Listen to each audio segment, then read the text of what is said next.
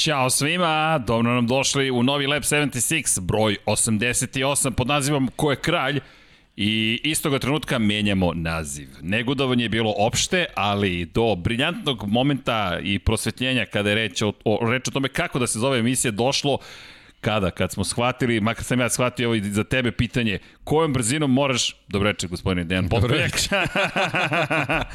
kojom brzinom moraš da se krećeš da bi svojim Delorijanom putovao kroz vreme? 88 milja na čas. Koji broj je nosio čovek koji je prošle godine prvi prošao kroz cilj na velikoj nagradi Portugalije u Moto Grand Prix? Prvi put održanoj stazi Portimao, to jest Algarve. 88, Miguel Oliveira, koji je kralj Portugala bio prošle godine i dolazimo polako do kraljeva, a koje je ovo izdanje, naravno, broj 88. Tako da u tom duhu menjamo naziv i to ćemo učiniti, ne možemo da promenimo baš ono što smo uradili kada je reč o samom nazivu emisije u uvodu, ali možemo da promenimo thumbnail kao i potpis u descriptionu, tako da će se to promeniti, zvaće se povratak u budućnost. Zašto? Kada u uvodu vidite Marka Markeza i Andreu Dovicioza, ljude koji nisu bili na stazi, makar ne do ove nedelje, Andrea Doviciozo već testirao aprilio, Mark Marquez se vraća na Hondi, onda mislim da adekvatno reći povratak u budućnost deki u istoj nedelji. Mark Marquez, Andrea Doviciozo, penzionisani, navodno, povređeni Mark Marquez, oporavljeni, nadamo se u potpunosti i naravno među vremenu Joan Zarko kao Vozač Pramak Ducati je na poziciji broj 1 u šampionatu sveta, on trenutno zauzima poziciju na tronu. Branilac titula je Joan Mir iz Suzuki-a.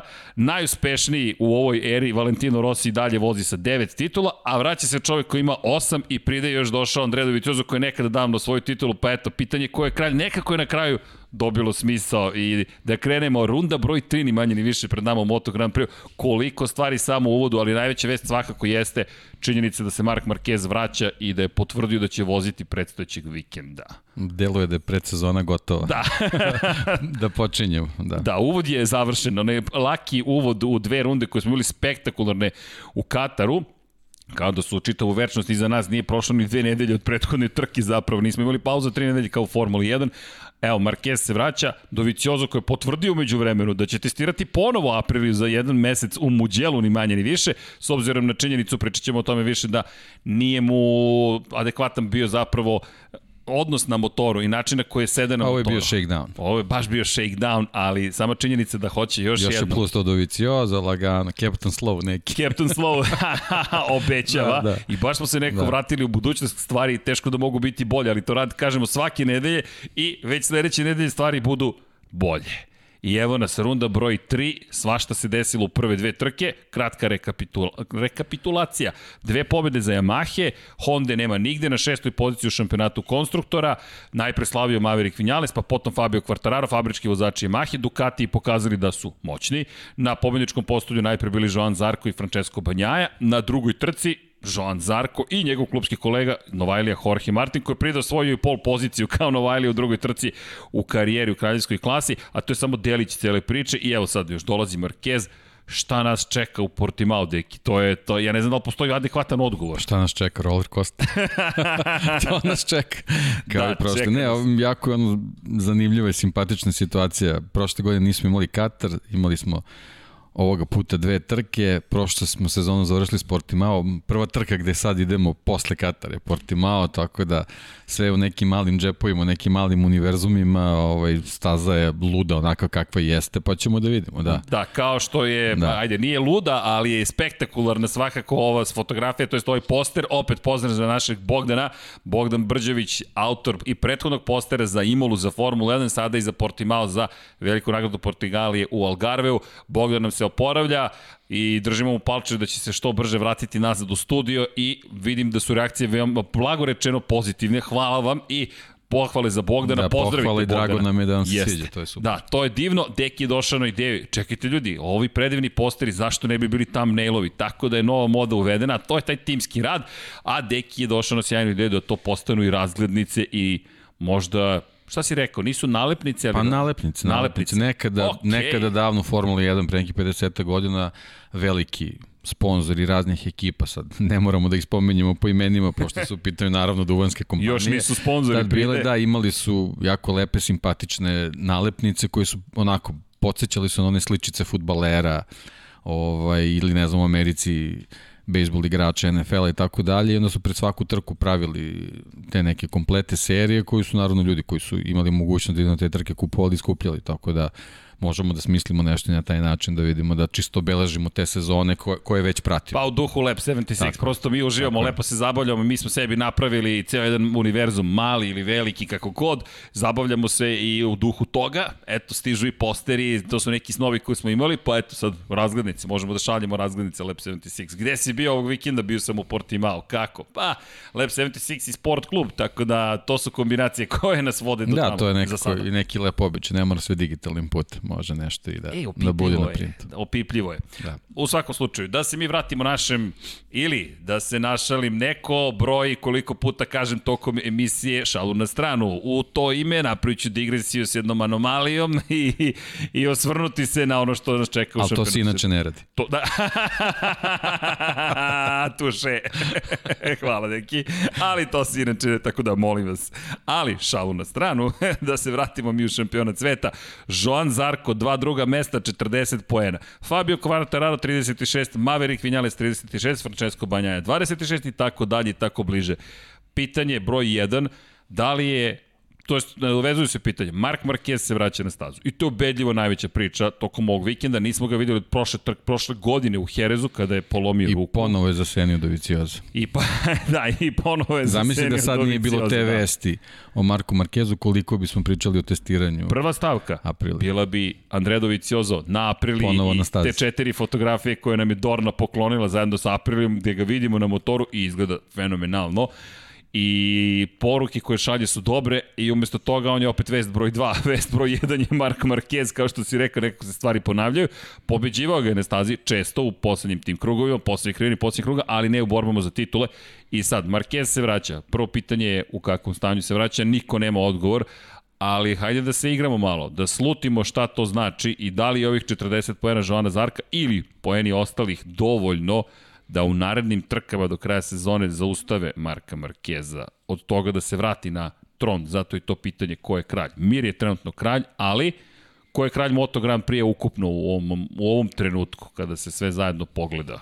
Da, ponavljamo se, ali generalno prve dve trke apsolutno ne more ništa znače u sezoni kakve je pred nama i nadamo se da će se izvesti do kraja prema, prema rasporedu kako vam je, ako slučajno ne bude taj raspored, nadam se da ćemo bar imati ovaj broj trka, tako da, da ovi zbirovi posle, posle dva Katara zaista ne moraju ništa, ništa da znače, niti možemo da, da izlačimo neke prognoze uh, o konačnom ishodu na osnovu toga, osim što eto imamo uvidu neke trenutne forme, pa možda na osnovu toga možemo da, da, da analiziramo i da, da, da ovaj, pretpostavljamo šta može se desiti u, u Portimao, pošto ajde, najbliže, najbliže trka, ali apsolutno sam taj, ta, ta vez da, da se Mark Marquez konačno vraća na Moto Grand Prix motocikl je ono, jednostavno vest koju su, nadam se, svi, svi željno iščekivali, jer, jer ovo će sad u stvari biti i pravi test za sve ostale, za ovu neku novu generaciju koju smo već počeli da volimo i da obožavamo, koja se našla u Moto Grand Prix, a sa druge strane da vidimo konačno tog,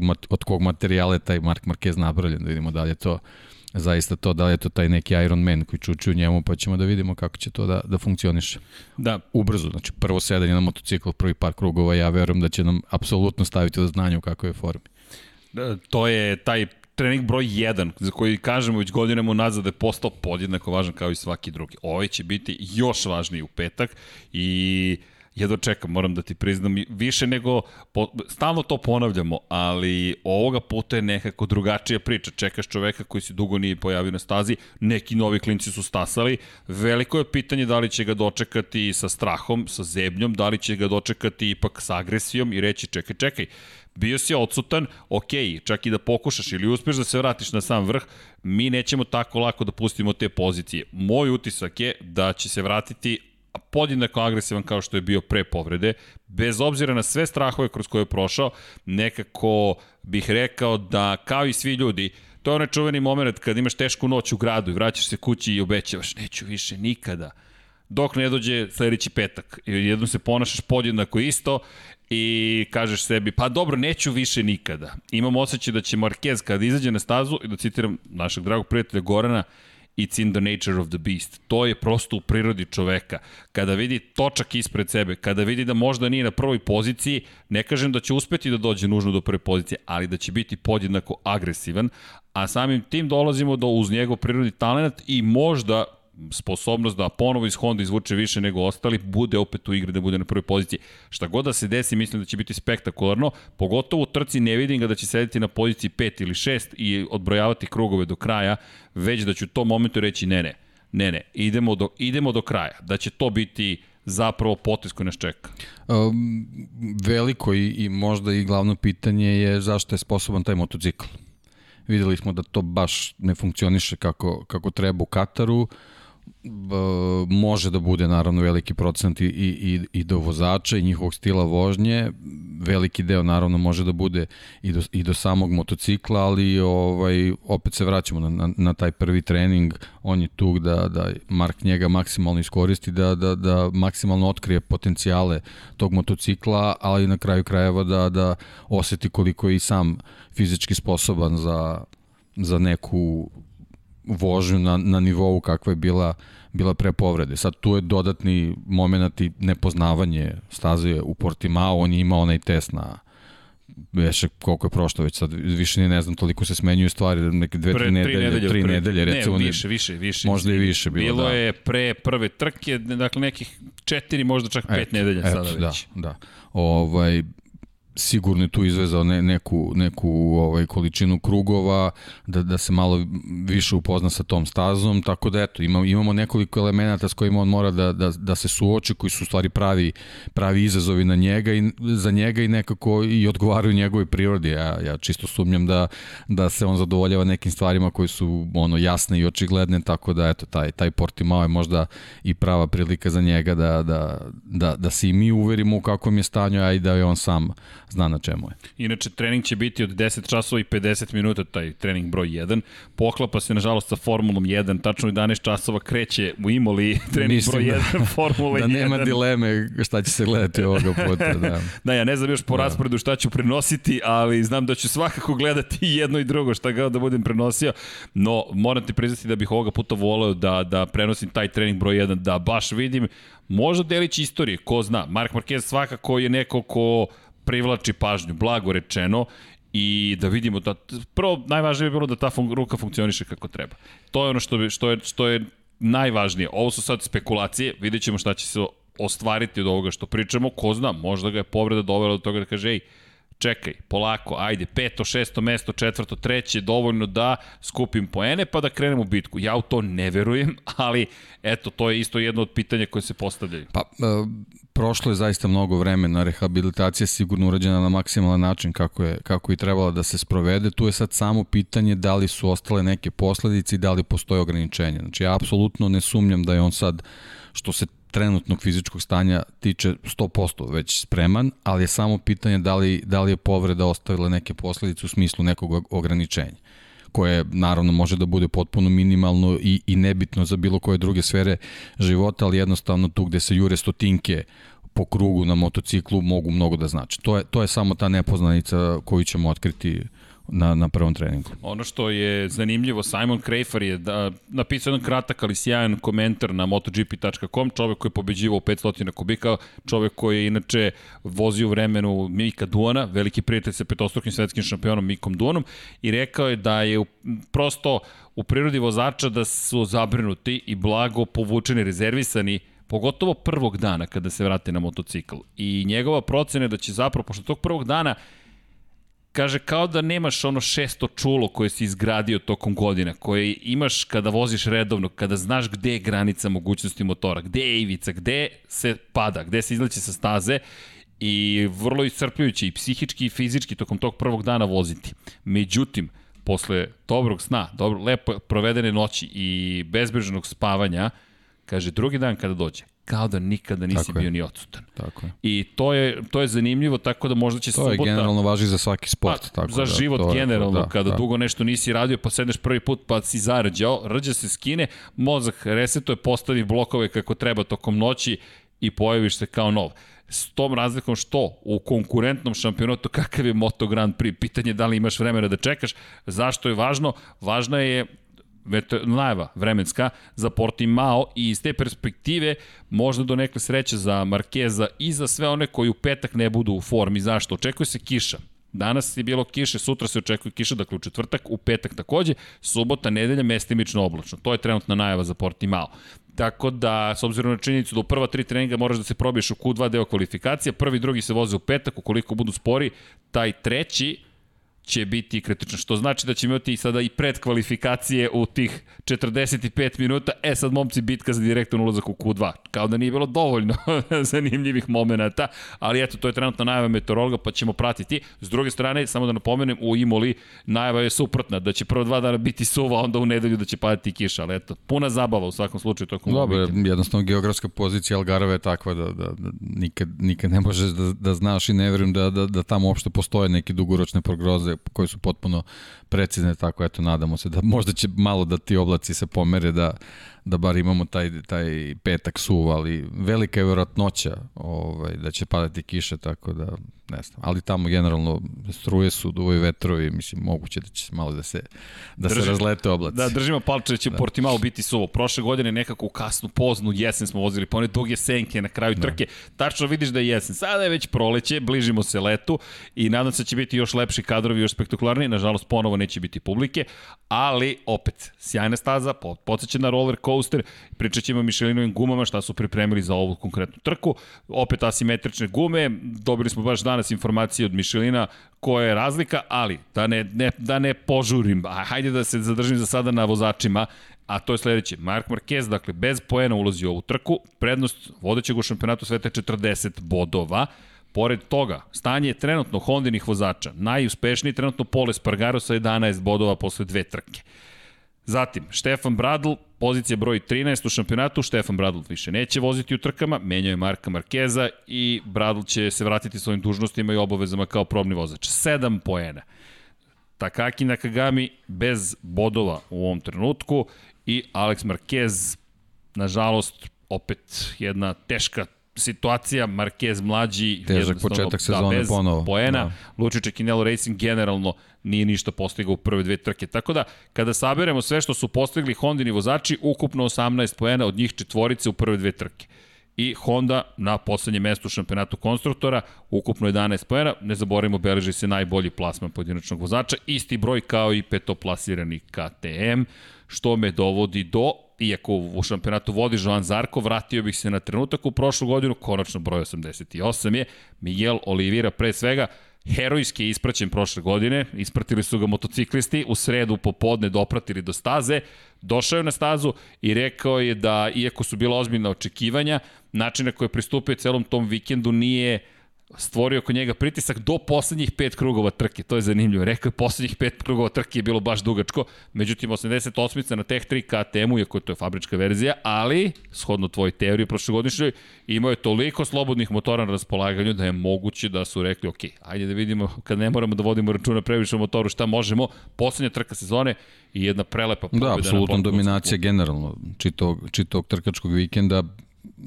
Nisam siguran da to može da se da se ponovi ovoga puta, ali jednostavno zbog svega što je uradio prošle godine moramo da, da, da vodimo na računa i o njemu i da očekujemo bolji plasma nego što, što smo imali na, na startu sezone, posebno, posebno zato što su i oni rekli da, da dolaze staze koji ipak više odgovaraju ovaj, trenutno, trenutnoj konstrukciji i stanju motocikla od, od staza u Kataru, tako da eto, ako trebamo da, da, da nekog obratimo pažnju, to je u svakom slučaju Miguel Oliveira. Da, i to mi ipak dovodi do, do priče o pneumaticima. Dakle, ipak mo, moramo da se dotaknemo. KTM imao puno problema u prvoj dve trke kada je reč o gumama. Na kraju smo videli da su sva četiri vozača u drugoj trci koristila prednju tvrđu gumu, to je serednje tvrdu gumu, svi ostali su koristili meki gume, ali po onome što smo dobili od Michelina, Michelin konkretno za ovu trku je promenio gume u odnosu na prošlu sezonu. Za one koji ne znaju, baš je Piero Taramasu dao sjajan intervju ove nedelje o tome kako Michelin zapravo bira pneumatike, za razliku od Formule 1, gde imate pet tvrdoća, C1, 2, 3, 4 i 5, u Moto Grand Prix imate sedam različitih tvrdoća prednjeg pneumatika na raspolaganju tokom godine i 15 do 16 zadnjih pneumatika. Dakle, mnogo veća raznovrsnost je u Moto Grand Prix. Po tri se tvrdoće biraju za trkački vikend i obeležavaju se meka, srednje tvrda, tvrda, belo, bez boje i žuto. I šta su rekli? Ono što je zanimljivo, Petar Bom ih je baš pitao u odnosu na prethodnu godinu kakva je situacija, tako da čisto da, da, da spomenemo izbor koji su napravili, asimetrične gume naravno uvek dobijamo priliku da koristimo ili da vidimo u upotrebi kada stignemo na bilo koju staza pozadi, međutim postoje te staze koje koriste i asimetrične prednje gume i ponovo će pripremiti jednu asimetričnu prednju gumu, što eto možda će to negde pomoći KTM-ovcima, vidjet ćemo. U odnosu na prošlu godinu, iste su prednje gume kada je reč o, o prethodnoj sezoni. E sad, ono što je zanimljivo, kada je reč o zadnjim pneumaticima, ono što je bila srednje tvrda guma je sada postala meka guma, tvrda guma prošlogodišnja srednje tvrda i tvrda je jedna nova uvedena u celu priču koja je dizajnirana specijalno za, posebno, za tople uslove. Međutim, nije baš toliko toplo u Portimao. 20 stepeni će biti maksimalno, čini mi se, ako sam dobro video prognozu. Da, što, da. eto, možda će biti neka vrsta problema, jer gume su tvrđe nego što su bile prošle godine, ali okej, okay, vidjet ćemo. Pa, eto, generalno, isčito ove priče, verovatno je važno svima, ali, ali prilično je bitno KTM-u da u petak imaju uslove koji će odgovarati nedelji, a to je a pada trenutno malo da, teže. Trenutno Ili oni baš, baš imaju problem sa tim izborom i, i mnogo bi im značilo da mogu da isprobaju različite kombinacije, posebno zbog tih promena koje si naveo, s obzirom da imaju već predznanje od prošle godine. To je dobra stvar. Generalno ekipe dolaze sa, sa nekim ovaj, zabeleškama sa, sa prošlogodišnje trke koje nije bila tako davno i, i generalno se vozilo u nekim, nekim sličnim uslovima, nije, nije tako velika razlika, ali ta kiša može, može napraviti problem. I sad dolazimo do još jedne zanimljive stvari. Prošle godine na pobedničkom postolju iza Miguel Olivire, jedan Ducati, Jacka Millera, pramak Ducati, fabrički model i Franco Morbidelli na starom modelu za Petronas Yamahu. Međutim, paralela je ove godine u onome što smo videli na prve dve trke u Kataru i u stanju u šampionatu. Zarko na Ducatiju vodi, na pozicijama 2 i 3 isti broj poena, po 36 bodova Quartararo i Vinales. Opet duel Ducatija i Yamahe čini se da se smeši i u Portimao. Svi ističu da je Yamaha motocikl koji je najviše napredovao ove sezone, to jest da je broj 1 trenutno.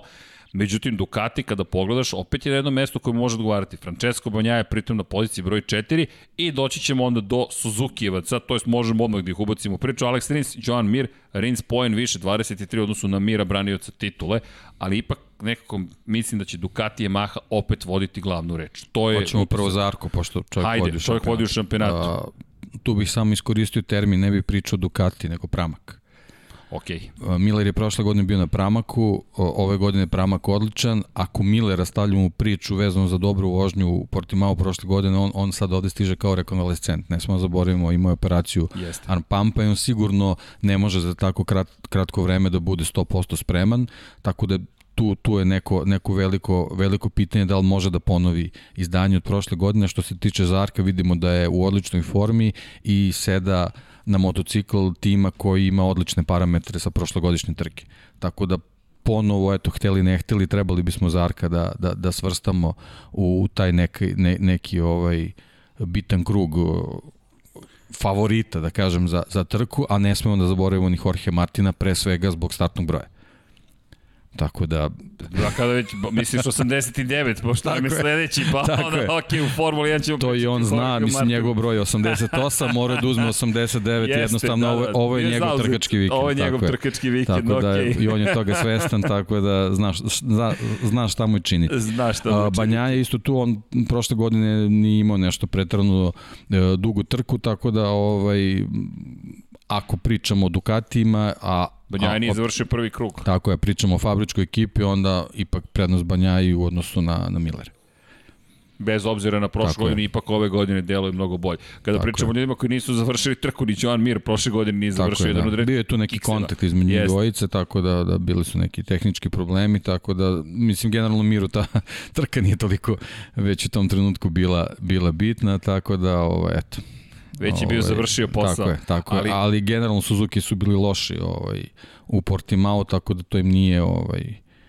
nije bilo dobro izdanje i moraju moraju ovaj dosta da da rade da bi se pripremili da, za ovu trku. Da, svoj jedan poen, bio je tako 15. Je, tako je. I to je ona čuvena bitka koja nije mila mala. Da. Dakle, mi ne pričamo bilo kakvoj bitci, čisto podsjećanje radi za prošlu godinu.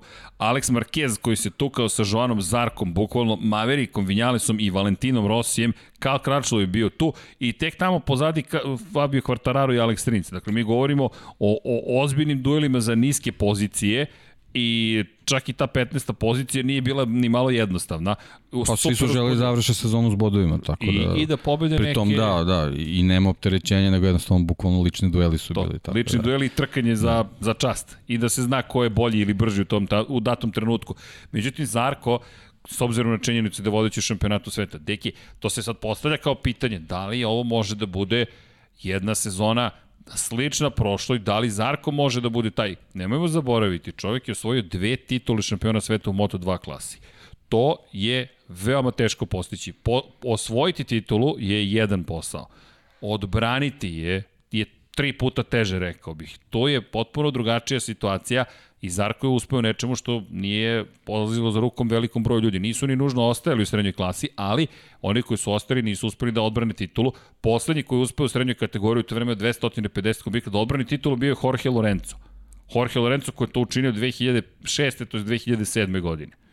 I od onda, praktično 10 godina, to je do 2015. i 16. nismo imali čoveka koji je svoje dve titule za redom u toj klasi. Zarko je to postigao pre nego što je došao u Moto Grand Prix klasu i ovo delo je konačno da se setimo reči Jorgea Martina, na kraju trke Zarkov zadatak u timu je da se bori za titulu šampiona tako sveta. Tako je, tako da ta, ta rečenica nam sve govori kako, je, kako Pramak ulazi u ovu sezonu, kako ulazi Joan Zarko i, i, i njegov timski kolega, tako da ne, nema tu mnogo dileme zbog svih tih nekih izdanja i Pramaka i Zarka u prošlosti da, da pričamo i o njemu vezano za, za, za najavu ove trke. A šta misliš, da li to može da bude kritična prednost Zarka u odnosu, na primjer, Kvartarara i Vinjalesa? Mislim da koji, da ne. Mislim koji neće da ne. imati podršku međusobnu, uzajemnu, da, naprotiv, da. oni će se boriti jedan protiv drugog. Zarko, to smo čuli i po Martinu, Martin je rekao da je neko drugi bio ispred mene, napao bih.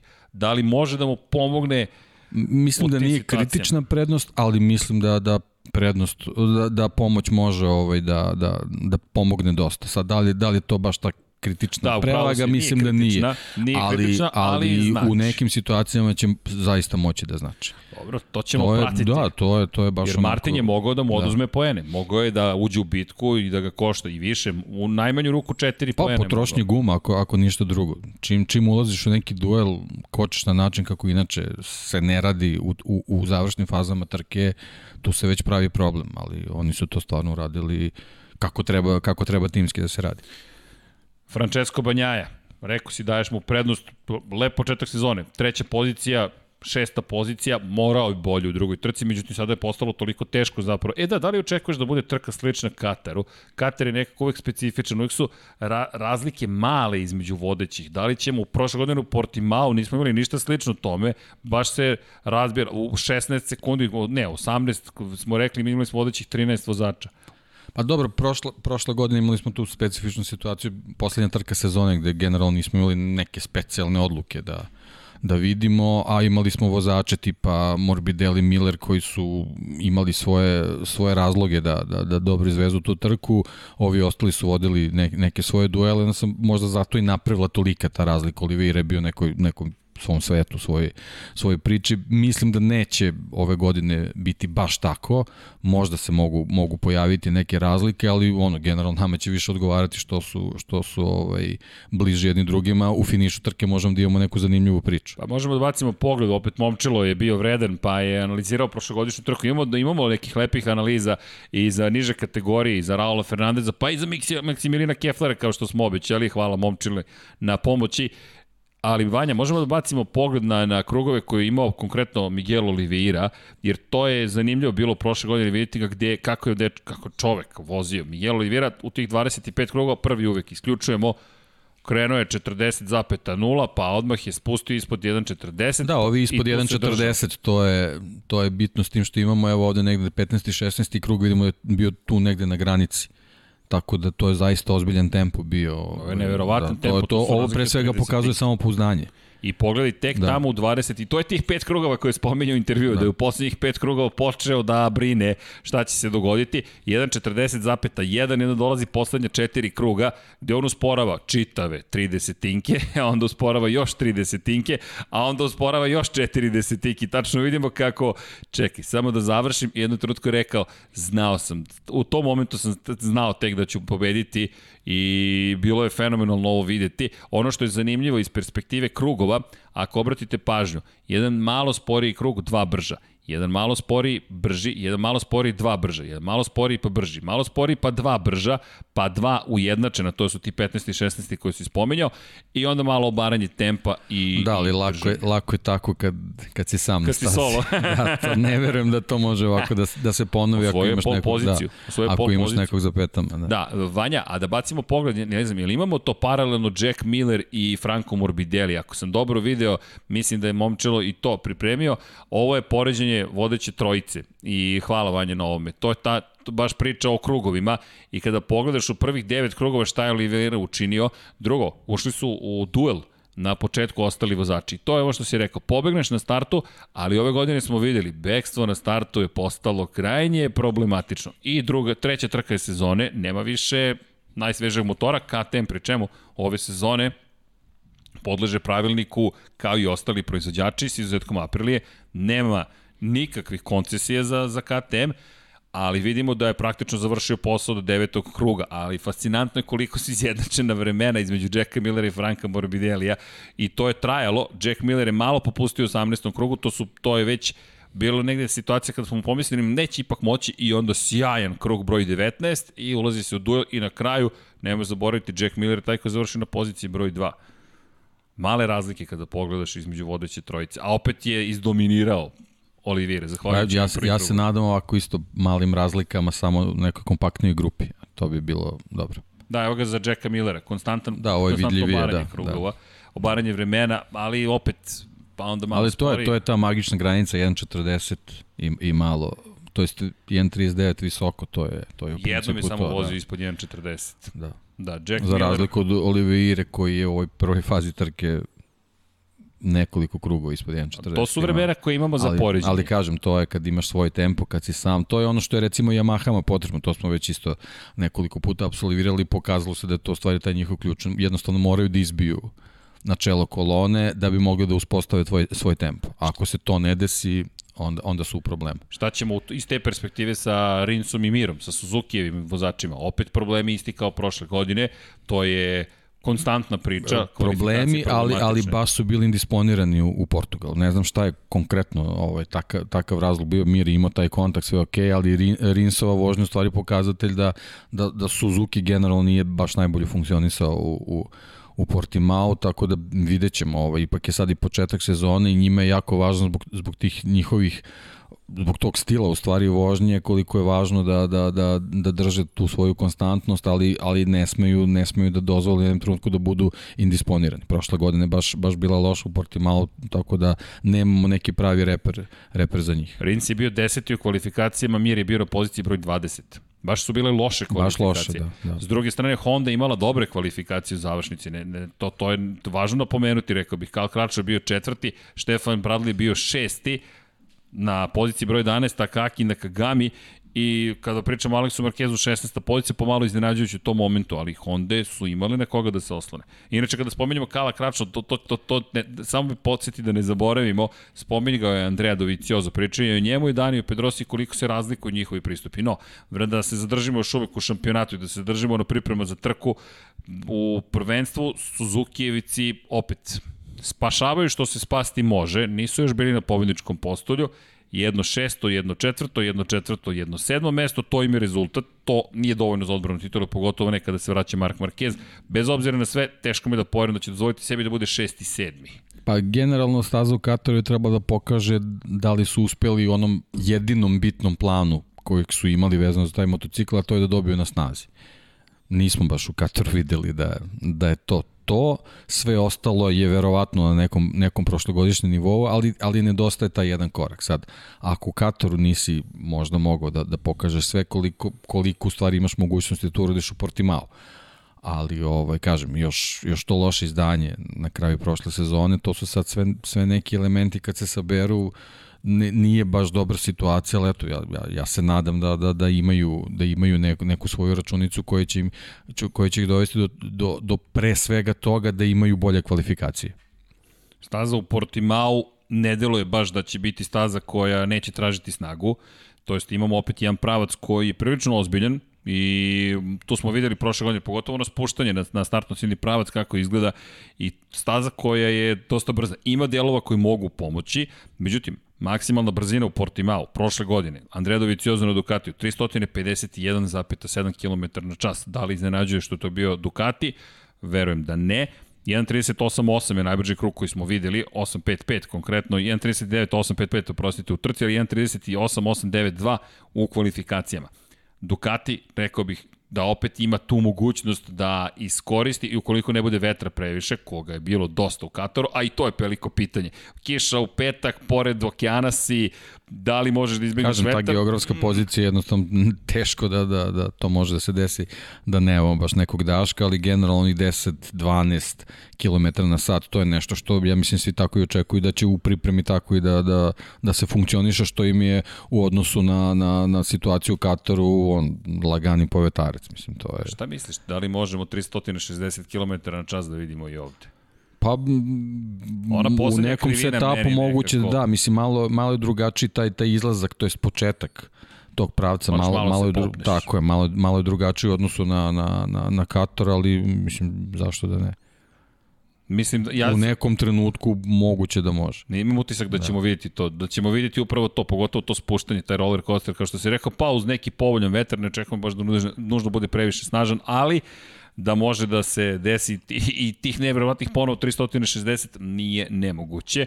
Zanimljivo, inače, prošle godine to ćete vidjeti kad budemo pričali o Moto2 klasi, koliko, pa i u Moto3, koliko je staza prošle godine zapravo bila dobra za pojedinačne vozače dominacija Remija Gardnera u Moto dvojkama i Raula Fernandeza u Moto trojkama.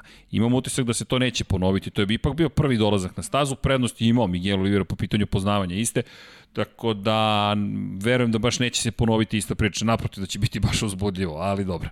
I da se vratimo na, na, na priču onima koji su u šampionatu sveta na vodećim pozicijama, nekako želim da to ispoštujemo. I odjednom dolazimo na broj 7 poziciju, Jorge Martin. Ubedljivo najbolji, najspektakularniji Novajlja. M pol pozicija, M pozicija broj 3 u trci, M izjeva gde nije hteo da uđe u duel sa klubskim kolegom pošto se Zarko bori za titulu čista desetka ocena, bez obzira što nije došao do pobjede, to je za mene čista desetka, to je jedna od najboljih vožnji koje smo videli. Još je on vodio u Kataru gotovo od početka do, do praktično samog kraja.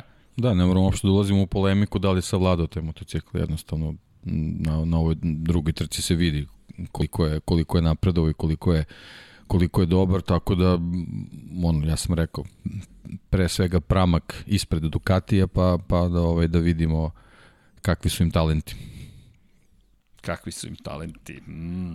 Da. Dobro, Katar to je, to je, Katar je ipak jedna, jedna posebna priča, sad, sad u stvari počinje ono pravo. Ali, ali ok, ali mislim da, da sa Martinom možemo da dobijemo još veći spektakl nego nužno što sam ja osjet, u, u Kataru, morate priznati, nisam osetio to. Mislio sam da je to izuzetak, pol pozicija i da će pasti tokom trke. Zaista me prijatno, izne, blago rečeno iznenadio. Prošle godine nije ovde bio spektakularan u Moto2 klasi, ali to ništa ne znači, je potpuno nova igra. Oni sad u Moto Grand Prix neko ko je stavio na pobedničkom postoju, a šampion sveta iz Moto3 kategorije. Tako da ne znam, moj neki tip za čoveka iz prikrajka, iako ne možemo reći da iz prikrajka neko ko je na poziciji 7 u šampionatu, jeste na, za Jorgea Martina. Aleš Espargaro inače na poziciji 8 sa Aprilijom, Aleš Espargaro koji je dao nekoliko sjajnih izjava, rekao da ga mnogo raduje što je Aprilija dala motocikl u ruke Andrej Doviciozu i da jedva čeka da čuje šta ima da kaže Andrej Doviciozu. Jedva čeka da dođu Jerez.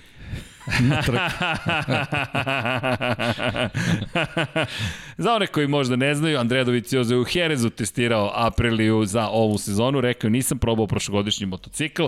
I ako dobro razumijem implikacijama u dragog prijatelja i kolege, ta podešavanja će sa pažnjom analizirati svi vozači, to je oba vozača Aprili, inače nemojte verovati svemu što pročitate, Luka Savadori, to je Lorenzo Savadori, oprostite, će voziti ovoga vikenda, ne postoji plan da ga zameni Andredović, to je blago rečeno novinarska patka. Dobro je zvučalo, to je dobro, spektakularno, senzacionalno, otpuštuje. Ne, Savadori ima podršku i vozit će i ovoga vikenda. Da li će biti dobar? Verovatno neće, problemi sa ramenom, ta povreda da, da, da se da. nastavljaju, mora to nekako da reši, tako da to je u stvari priča vezana za Dovicioza da zaista postoje velike šanse da ga vidimo kao wild card vozača u, u nastavku sezone. Kada već smo otišli na tu stranu, Andrea Doviciozo je rekao da između njega, Danije Pedrosa i Kalva Krača postoji ogromna razlika. Kaže, razgovarao sam i sa Danijem, razgovarao i sa Kalom, oni pričaju kao probni vozači kao vozači koji su tu da testiraju ja razmišljam kao čovek koji se trka, kao trkač koji želi u 2022. da vozi. Dakle, nije u penziji, čovek je bukvalno uzeo pauzu jednu sezonu, to je veliki rizik, vidjet ćemo konačno Marquez, iako je drugi nažalost, povod bio za da odsustvo, nažalost, kažem, pošto povreda je katastrofalna stvar za bilo kog čoveka, bilo koje vrste, a u ovoj situaciji Andrea Dovizioso je neko ko čeka priliku za 2022. Vrata rekao bih da su otvorene u apriliji, to ne obavljate test, kamoli dva, ako ne postoji nešto ne, više. Ne, ova, ova najava da za mesec dana ga u Muđelu čekaju sa a, motociklom koji će biti pripremljen prema, prema svim zabeleškama vezanim za, za ovaj test. Sve njegovi utisci, promene ergonomije i čega god je ovaj, uh, menjao vezano za, za, za, za nek, neki položaj na motociklu, oni su odlučili da za mesec dana dobije šansu u Muđelu sa, sa tim izmenom, što znači da oni apsolutno računaju na njega. Da, ne praviš novi praktično motocikl, ne praviš dijelove za motocikl. To je ogroman trošak da bi nekom učinio plezir kao da, da malo trenira na Moto Grand Prix motociklu, ne, tako ne, ne. da to se sigurno ne radi Ja mislim tako. da tu potpis da. pada sledeće da. godine, Aprilija koja će naredne godine imati svoj fabrički tim, neće sarađivati, to jest neće u ovoj formi sarađivati sa ekipom Fausta Gresinija. Da. Dakle, taj tim ne znamo šta će raditi u 2022. Ali indikativno mi je što je Aleš Espargaro rekao da bi voleo sledeće godine da ima više Aprilija na samoj stazi. Upravo sam to hteo da kažem. Meni, meni nekako delo da ovim svojim razvojem evo kažem imitiraju, ali prate ono što je KTM radio, tako da se pokazalo da je jako dobra stvar kad imaš četiri motocikla na stazi.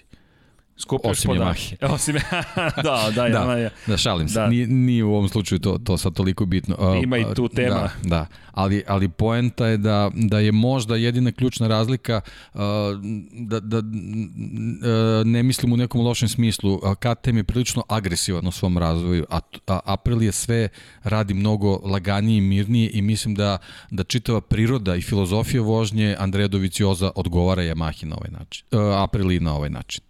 Tako da, da meni stvarno to miriše na, na, na neki potpis na i na neku saradnju. saradnju da. Pri čemu još jedna zanimljiva izjava Aleša Spargara je bila da je rekao da ukoliko oni uspeju na stazi, to pozitivno utiče na, celu, na ceo brend, na robnu marku Aprilije, što opet povlači sa sobom potencijalne dodatne investicije, koje su preko potrebne, što da biste dobili inženjere, što da biste uložili u bukvalno da, ali ako su već do ovde došli...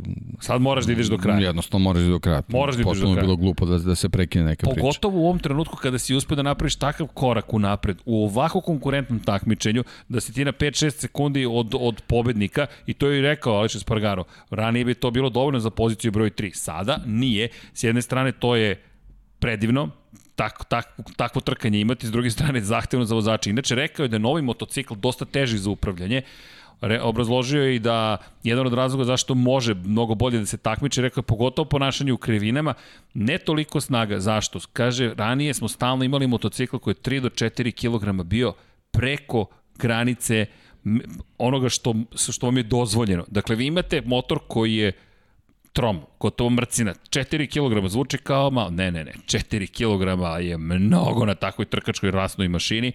I rekao je sada je to drugačiji motocikl, mogu lakše da menjam smer kretanja, teži za upravljanje, ali niko se ne želi rekao, ali zato mogu da se borim za visoke pozicije i rekao je da ukoliko do kraja godine bude na poziciji broj 6 u šampionatu sveta, možda 8, da je to kao da je osvojio šampionsku titulu. Što i jeste, ako se jeste, pogleda absolutno, absolutno. gde su bili i gde bi absolutno. mogao da završi. Ali to, to je pravi smer za njih, mislim, jednostavno ne, nemam šta tu da dodam na, na, to što je rekao, to je jednostavno, to, osim, osim, osim utisak Dovicioza koji, znači moram da imamo na umu, nije, nije vozio maksimalno, ali je rekao da se jako lepo vozi motocikl. I da, i rekao jer, drugačije. on, on ima 8 godina iskustva sa Ducatijem i to je, to je baš dobar reper za, za april. I donosi znanje, donosi mnogo iskustva, da. vozio i Hondu, vozio je i na 800 kubika. Dobro, to je već bilo davno, davno ali Ducati ali opet, je nešto što, što, što, što slavno Aprili može kao reper da služi. I to, to je motocikl koji on razvio. Imao i tu jednu sezonu na Yamahi. Ima mnogo iskustva iza sebe. I Ima iskustva i, i u radu i organizaciji ekipa verovatno je mogao dosta dobro da, da analizira sve i da u principu pokupi ono najbolje ako ima tu nameru da sledeće godine krene sa Aprilijom gde neće apsolutno imati pritiske kakve imao, imao do sad, što u Hondi, što, što u Ducatiju. Znači, apsolutno dolazi kao, kao neko ko je tu da, da, da, da, da, da napravi neki šlag na torti u, u tom trudu koji, koji imala April. Opet, opet je jedan od Espargara taj koji očigledno možda neće osetiti čari nečega baš vrhunskog, ali nema veze. Mislim da bi se on složio da, da, da se ponovi Bratoljeva prošla godina. Mislim da ne bi imao nekih problema s tim. Rekao je da Aleš je rekao da on sada mora da se popne na pobedničko postolje. Da bukvalno mora da se popne na pobedničko postolje. To nije mala rečenica, ali to je negde svest dokle stigla ta Aprilija i zaista samo, samo lepe vesti nekako stižu iz tog kampa uz tu možda ideju, to je želju našu, pa i možda neku buduću stvarnost, ipak smo u povratku u budućnost, da će imati 4 aprilije, to otvara još jednu bitnu stvar. Ti možeš, pogotovo kad imaš ovakav motocikl koji sada već ljudi žele da voze, i ako dobiješ Andreju Dovicioza, deluje da hoćeš, koji će dalje razvijeti taj motor i imati podršku što za platne, što za razvoj tog motora, imaš priliku da dovedeš dva mlada momka u tu celu priču. Ili jedno ne. Ej, pazi, to je dobra misao. Kraj 2023. 2024. u jednoj privatnoj ekipi Andreja Janone se vraća i kaže ok, sada vidite šta mogu posle četiri godine. A Dović je ovo za selo upao u čelo. Ne, opet, opet, opet ovaj. ali ne bi bili u istom timu. Da. Verovatno. Pa, da. Ne bi trebalo. Ne bi trebalo. ne bi trebalo. Ipak da. je bolja, bolja kombinacija da imaš nekog mlađeg, mislim, nego, nego Aj, dva, to je ironija iz Suzuki i Aleš Espargaro otišao zbog Janone, a onda, ga, onda je došao u Apriliju za njim i tu je rekao, ok, nema za ovo, ali Apriliju nije napravio grešku koju je napravio Suzuki. Suzuki je u samom ugovoru napisao da je Andreja Janone vozač broj 1. Dođe smo eto mi do Andreja Janone. Hvala deki. Da ga spomenemo, da ga eto kad već pričamo aprili, da, kad su ga već toliko čekali i nisu dočekali. Pa i o Suzukiju da. i Ducatiju. Da. Ne zaboravimo, čovjek je vozio za fabrički tim Ducatija, tamo je Jack Miller, deveto mesto u šampionatu sveta, Jack koji je podbacio. Blago rečeno, ovo je potpuni podbačaj, možda i najveće i najneprijatnije razočaranje zapravo prvog trkačkog vikenda jeste Jack Miller. Ne nužno, ja nisam očekivao da će on boriti za titulu, ali da ne bude baš na pobedničkom postolju posle onako spektakularne završnice prošle godine, onih trkanja protiv Morbidelija, I što Valencija malo, tako je, je ovo baš neprijatno iznenađenje i njegov najveći test. Sad si u fabričkom timu, Australijanac si prave s tobom poređenje da si, da si naslednik Casey Stonera, nije naslednik Casey Stonera, niti može, niti će ikada biti, ali može da postigne dobre rezultate i ovo je važan moment. Bio je prošle godine na pobedničkom postolju ovde, trkao se, I iz te perspektive nema mnogo prostora za izgovore ovde. Jack Miller mora da bude među vodećih pet u najmanju ruku na kraju trke. Kažem, glavni izgovor jedini je ta, ta operacija koju je imao. Uh, a sve ostalo... Da, vidiš što sam da. zaboravio, to stalno pocenjujem. Ne, ne, ne, ne može, ne može u Portimao nikako. Sve da... ostalo, upravo to što Hvala, si rekao. baš si suptilan. sve ostalo što si rekao je, je, je zaista tako, ne, ali, ali on, ne, on sebi to ne, sve mora ne sme, da se prebaci na Jerez. Ne sme toplo-hladnu sezonu da ima, da, to, je, to je suština priče. Ali da, posle operacije da. Iker Lekono je operisan, Jack da. Miller zapravo ne možemo to do njega očekujemo. Jack Miller dobija get out of jail card bude, za ovaj vikend. Ako bude ok, onda super. Da, ali, ali bude toplo okay, hladno sjajno. sezona, to, to jednostavno ne Pa nigde da ga ne vodi. A takvu sezonu ima i Pole Spargaro trenutno, koji je na desetom mestu u šampionatu sveta. Bio osmi u prvoj trci, bio je 13. u drugoj trci i ono što, najgore što je moglo da mu se desi se upravo dešava. Mark Marquez se vraća. I nekako, ja makar ne vidim da će Pole Spargaro biti uspešniji od Marka Markeza u, u ovoj trci koja dolazi. Prosto mislim da će Mark Marquez doći, staviti perjanicu Hondinu, da bi poslati ponovno perjanica Honda i to je to da, da, da je Pole Espargaro propustio jednu lepu priliku. Da, to bi bila baš loša situacija za njega. Za da. njega, bojim se da će to biti ozbiljan psihološki udarac. I jer ti sada više ne sediš i preko puta tebe je Štefan Bradl. Ti gledaš Marka Markeza koji to uglavnom ignoriše, kao što ignorisao sve svoje klubske kolege. To je generalni priroda. To, to je priroda Absolutno. ovoga sporta. Ne, ne baviš se klubskim kolegama. Ali, ali Pole Espargaro prošle godine Na ovom mestu je pobedio KTM, nije ostvario pobedu s KTM-om, baš je jurio tu pobedu i baš je bila ta priča, može li Pole Espargaro tu nekako da se oprosti od KTM-a na lep način, četvrti je bio na kraju u trci, nije stigao do pobedničkog postoja, bio je dosta daleko, skoro 10 sekundi iza treće plasiranog, tako da nije ni postojala suštinska šansa da nešto više učini Pole Espargaro prošle sezone na ovom mestu, međutim imao je dobru trku, opet na KTM-u, sad mu je preko potrebna dobra trka, ali s druge strane, ukoliko može da pobedi Markeza, ukoliko ga Markeza inspiriše svojom pojom da kaže čekaj, konačno, svi vozači sada na ovom motociklu će dobiti podatke Marka Markeza. Što će im možda svima pomoći, jer ako se setimo, Takaki Nakagami je prošle godine napredovao tako što je uzeo podatke Marka Markeza iz prethodne sezone i onda počeo da ostvaruje rezultate. Prave da, ali rezultate. to je, to je veliki minus za njih da, da jednostavno nisu mogli svoje svoje podatke da prikupi da na, na taj način barem malo napreduju na drugoj trci. Ili u Kataru si imao dve prilike plus imao predsezonu. Ali Honda to, dala sve od sebe to, da im pomogne. Tako je, to dosta govori o njima što im apsolutno ne ide, ne ide na ruku. Ne ide ni jednom od njih, baš ni jedan od četiri. Posebno sad ako se Mark pojavi u, u svom nekom dobrom izdanju i odmah bude bolji od njih. To ni, ni jednom od njih trojice ne, ne, neće dobro da, da Alex znači. Marquez u drugoj sezoni takmičenja i iako ne očekujemo nužno da se bori za pobede, dva pada, loše kvalifikacije, spor, nekako je delovao nesigurno, ponovo kao da se vratio u loše izdanje Aleksa Markeza, to, to je nešto što, ne, ne, za razliku od Moto2 kategorije, gde je mogao godinama da sedi i da čeka. On je 2014. osvojio titulu u Moto3 klasi. 15. 16. 17. 18 četiri pune godine, već smo odustali od ideje da on može da bude šampion sveta i onda dolazi 2019. Ali to je peta godina. Sada je u drugoj sezoni takmičenja u Moto Grand Prix. Ima ugovor za treću. Ko će ga angažovati u četvrtoj ukoliko su rezultati loši? Ko, ko će da priušti jedno mesto? A dolaze mlađi. A imaš već brata Markeza koji će biti tu, ne treba ti još jedan iz te perspektive. A dolaze neki ozbiljno jaki mladi španci. Tako je. I ti imaš pokriveno tržište. Ti imaš pokriveno tržište, bez obzira to što si brat Marka Markeza ne pomaže. Apsolutno. Ne. ne pomaže. Prosto moraš da imaš rezultate. Tako da je za njega ozbiljan izazov, a Takaki Nakagami u posebnoj situaciji iz te perspektive dobio je najzad ono što je tražio i nigde ga nema. Međutim, ima koga ima, je ne Bastianini na poziciji broj 11, opet očekujemo prosto Ovde je osvojio titulu prošle godine, očekujemo jednog rasterećenog ne u Bastianinija, očekujemo da nastavi da uči, šta god da, da postane, bit će ima, okay. Čovjek ima lepo kalkulator, to je to i prošle da. sezone pokazao, ovu godinu isto tako vozi, takve 10, su 11. takve su jednostavno takve su ove sezone da da ovaj ne, jednostavno ne, ne mora da se ide na maksimum. Svakoj trci treba samo imati po neke kal, kalkulacije u određenim trenucima on to izgleda ume da iskoristi. To je super ne možemo da kažemo da ima konkurentan motocikl, ne možemo da kažemo da je kon konkurentan u smislu svog iskustva u Moto Grand Prix, ali neka druga iskustva koji imaju i, i neki svoj pristup samim trkama maksimalno koristi i to je to.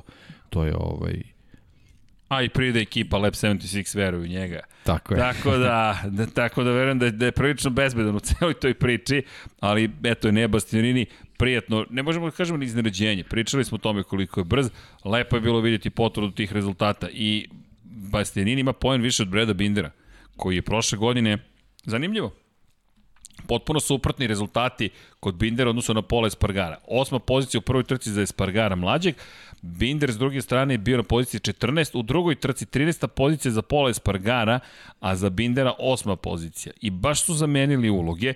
Inače, tu je prilično velika gužva u šampionatu sveta. Pol, Espargaro, Enea Bastianini po 11 poena, Brad Binder jedan, jedan manje 10. Njih trojica su baš tu. Miller ima samo 3 poena više od Pola Espargara. Dodatni poen više ima Aleš Espargaro. Jorge Martin 2 poena više od Aleš Espargara. Uz 8 poena opet šest vozača bitka je neverovatna, fascinantna je bitka, dovoljno je jedna dobra trka da kažeš, e, ok, o, i mogu da skočimo među vodećih 10 absolut, u šampionatu sveta. Absolut. Što se ponavlja situacija? Sad, to, to pitanje Marka Markeza jeste najveće pitanje da li će moći da se bore za titulu na taj način ili će to biti utešna nagrada, neka ispod, a vidjet ćemo za, za titulu Petak kako će nam reći sve. Tako je. Pa čak i kiša, i da, to će biti zanimljiv test. Da li očekuješ da Marquez rizikuje po kiši? Pa sad, znaš, ne znam kakav, kakav rizik može, može da bude, ali njemu je jako bitno da, da se uvoza sa tim, sa tim motociklom Zapravo, i da, jako je važno, važno je važno, jako je važna pozicija vezana za kvalifikacije. Njemu čak ni, ni Q1 ništa ne, ne remeti, to samo znači više vožnje. Ko kaže da će trening broj 3 biti vožen po suvom? Tako je. Ko garantuje, to će, to će to, prognoza jutarnja u petak i popodnevno biti mnogo važne, a pride manje rizikuješ po kiši iz jedne druge perspektive, manje opterećuješ telo, tako da taman ono što je Krejfor rekao, možda je to prilika da se probudiš sutra i kažeš, ok, tu sam gde treba da budem. Ko nije tamo gde treba da bude, preskočit ću Štefana Bradla, pošto više ne vozi, Valentino Rossi. Dobro, nismo generalno Yamahama pričali, pa kao, ajde, taman da, da, se otvara. Ovo je prilika, da, da. Ima isti da. broj pojena kao Franco Morbidelli, po četiri boda jedan i drugi. Rossi na poziciji 12 u prvoj trci, u drugoj bez poena, u prvoj trci Morbidelli bez poena, pozicija broj 12 u drugoj trci, Petronas Yamahe, Quartararo i Vinales na pobedničkom postolju dva puta, to je dve pobedi, dva peta mesta, po 36 bodova, Rossi na to isto je Mahi neprepoznatljiv. Pa to je u stvari problem, sad malo pre si spomenuo Rossi, Morbidelli, jednostavno oni nisu za poređenje, pre svega zbog motocikala. Ali sa druge strane, ako znamo na čemu sedi Rossi u odnosu na Vinjalesa i, i Kvartarara, jednostavno ne moramo, ne moramo o, ovaj, direktno sad da očekujemo od njega neke podijume, te se sve taj broj koji, koji svi čekamo i tako dalje, ali jednostavno trebao je da bude gore malo, malo u neko, nekoj boljoj poziciji, jednostavno zbog tog motocikla, ali nažalost eto to Njegova najgora neka, trka u karijeri. Da, ta neka, te neke pripreme za trku su i dalje ovaj, na nivou prošlogodišnjih vezanih za, za Yamahu, eto, nadam se da, da može tu da, da se nešto promeni kad se dolaze već na stazu gde, gde bukvalno imamo podatke od pre par meseci, tako da ovaj, samo zbog tog motocikla na kojem sedi, znači ne, ne pričamo više ni o njegovim godinama i tako dalje, jednostavno mora, mora da bude malo bolji. A što se tiče Morbidelli, videli smo jednostavno ta mašina stari i to jednostavno ne može, ne može da funkcioniše. Još ako, ako se desi neki problem tokom same pripreme za trku, taj motocikl je samim tim outsiderski i, i nažalost Franki tu ne može, ne može puno toga da očekuje. Da, ali Morbidelli... Borbe za podijum posebno. To da, zanimljiv, zanimljivo je štivo, preporučujem toplo pročitati na The Race Simon Peterson, naš dragi kolega, koji kada rečemo Morbideliju baš priča o tome, ono što smo negde i napominjali pre početka sezone, koliko je Maha zapravo sebe stavlja u jedan potpuno pogrešan položaj iz naše perspektive, a to je da time što neće da podrži Morbidelli, što mu daje dve godine star motocikl, bukvalno tera čoveka iz svojih redova. A to je bukvalno teraju Morbidelija, koji bez obzira na ove probleme, i kao što si rekao, pitanje je šta će taj motocikl više moći da mu pruži. Samo ponovit ćemo se, ali to je neophodno reći, 22 vozača, 19 vozača ima modele za ovu sezonu. Samo tri nemaju. Dvojca su Novajli i Luka Marini u Avinti, to je VR46 i Enea Bastianini u istoj toj ekipi, to je na strani garaže koji ima Avinti na sponzorstvo i Franco Morbidelli. To je poražavajuće. Da, mislim, mi spominjamo Bastianini, ali nisu to sad neki spektakularni rezultati. Ovaj, on, on je samo o, o, odličan utisak ostavio kao, Zato kao Novajlija. Tako je. Tako je, ali kad se pogledaju i Bastianini, i Marini, i Morbidelli, ti motocikli jednostavno vreme ih polako gazi kakve god tu update da, da se rade na njima, to jednostavno ne može da bude na, na nivou najnovijih motocikla. Znači, prošle godine možda nekako eto taj razvoj je možda uhvaćen na spavanju pa su ti mo, mo, motocikli iz 2019. mogli mogli nešto nešto više nešto više da urade ali jednostavno ove godine to to sad već već nije slučaj i i Franki u ozbiljnom problemu i to što si rekao znači ako ako dobije neku direktniju poruku od Yamahe na koji način računaju na njega u smislu ovih dosadašnjih priča priča o, o neke 4 aprilije u, u, u, u, ovaj, u nekim novim sezonama već, već mogu da dovedu do toga da on može da zakuca neka druga vrata i da ponudi svoje usluge. Ako imaš Dovicioza i Aleša Espargara u fabričkom timu, ono što je pitanje, pitanje je da li će hteti ponovo da idu satelitski tim. Ali, Ako je to poput KTM organizacija, tako. možda će reći, ej, ok, ovde hoću da budem. I opet otvara se to pitanje KTM-a. Možda će teh tri reći posle eksperimenta s Ikerom Lekonom, koji je inače operisan, tako da ne čekamo opet ni od njega neki pretredno dobar rezultat ovoga vikenda. Reći, ok, Franko Generalno, tu. Franki ima opcije. To je, to je ovaj, jednostavno nešto o, o čemu zaista ne bi trebali da, da, da imamo dilemu. On je jednostavno vozač koji mora, mora da bude u Moto Grand Prix, ali mora da bude na konkurentnom motociklu. Da, ovako, ovako su, ne ide. Da samo razmišljam, u Ducatiju su vrata zatvorena, u Yamahi očigledno neće ostati, to je delo je da neće ostati. Honda, vozio je Honda u Mark VDS Racingu jednu sezonu, možda Lucio Cecchinello, ipak je reč o Italijanu, nađe prostora za njega, ako ne pokraj Aleksa, ako ne zapravo kao zamenu za Aleksa Markeza koji ima ugovor, pitanje je šta će biti s Takakim Nakagami, jer Nakagami bez obzira na japansku vezu i bez obzira na to što je dobio podršku ove godine, ukoliko ne donese rezultate, vrlo lako da, se može naći je, van Moto Grand Ja verujem da, da je kod njih filozofija jasna. A Morbidelli... Po, podršku dobiješ do određenog trenutka.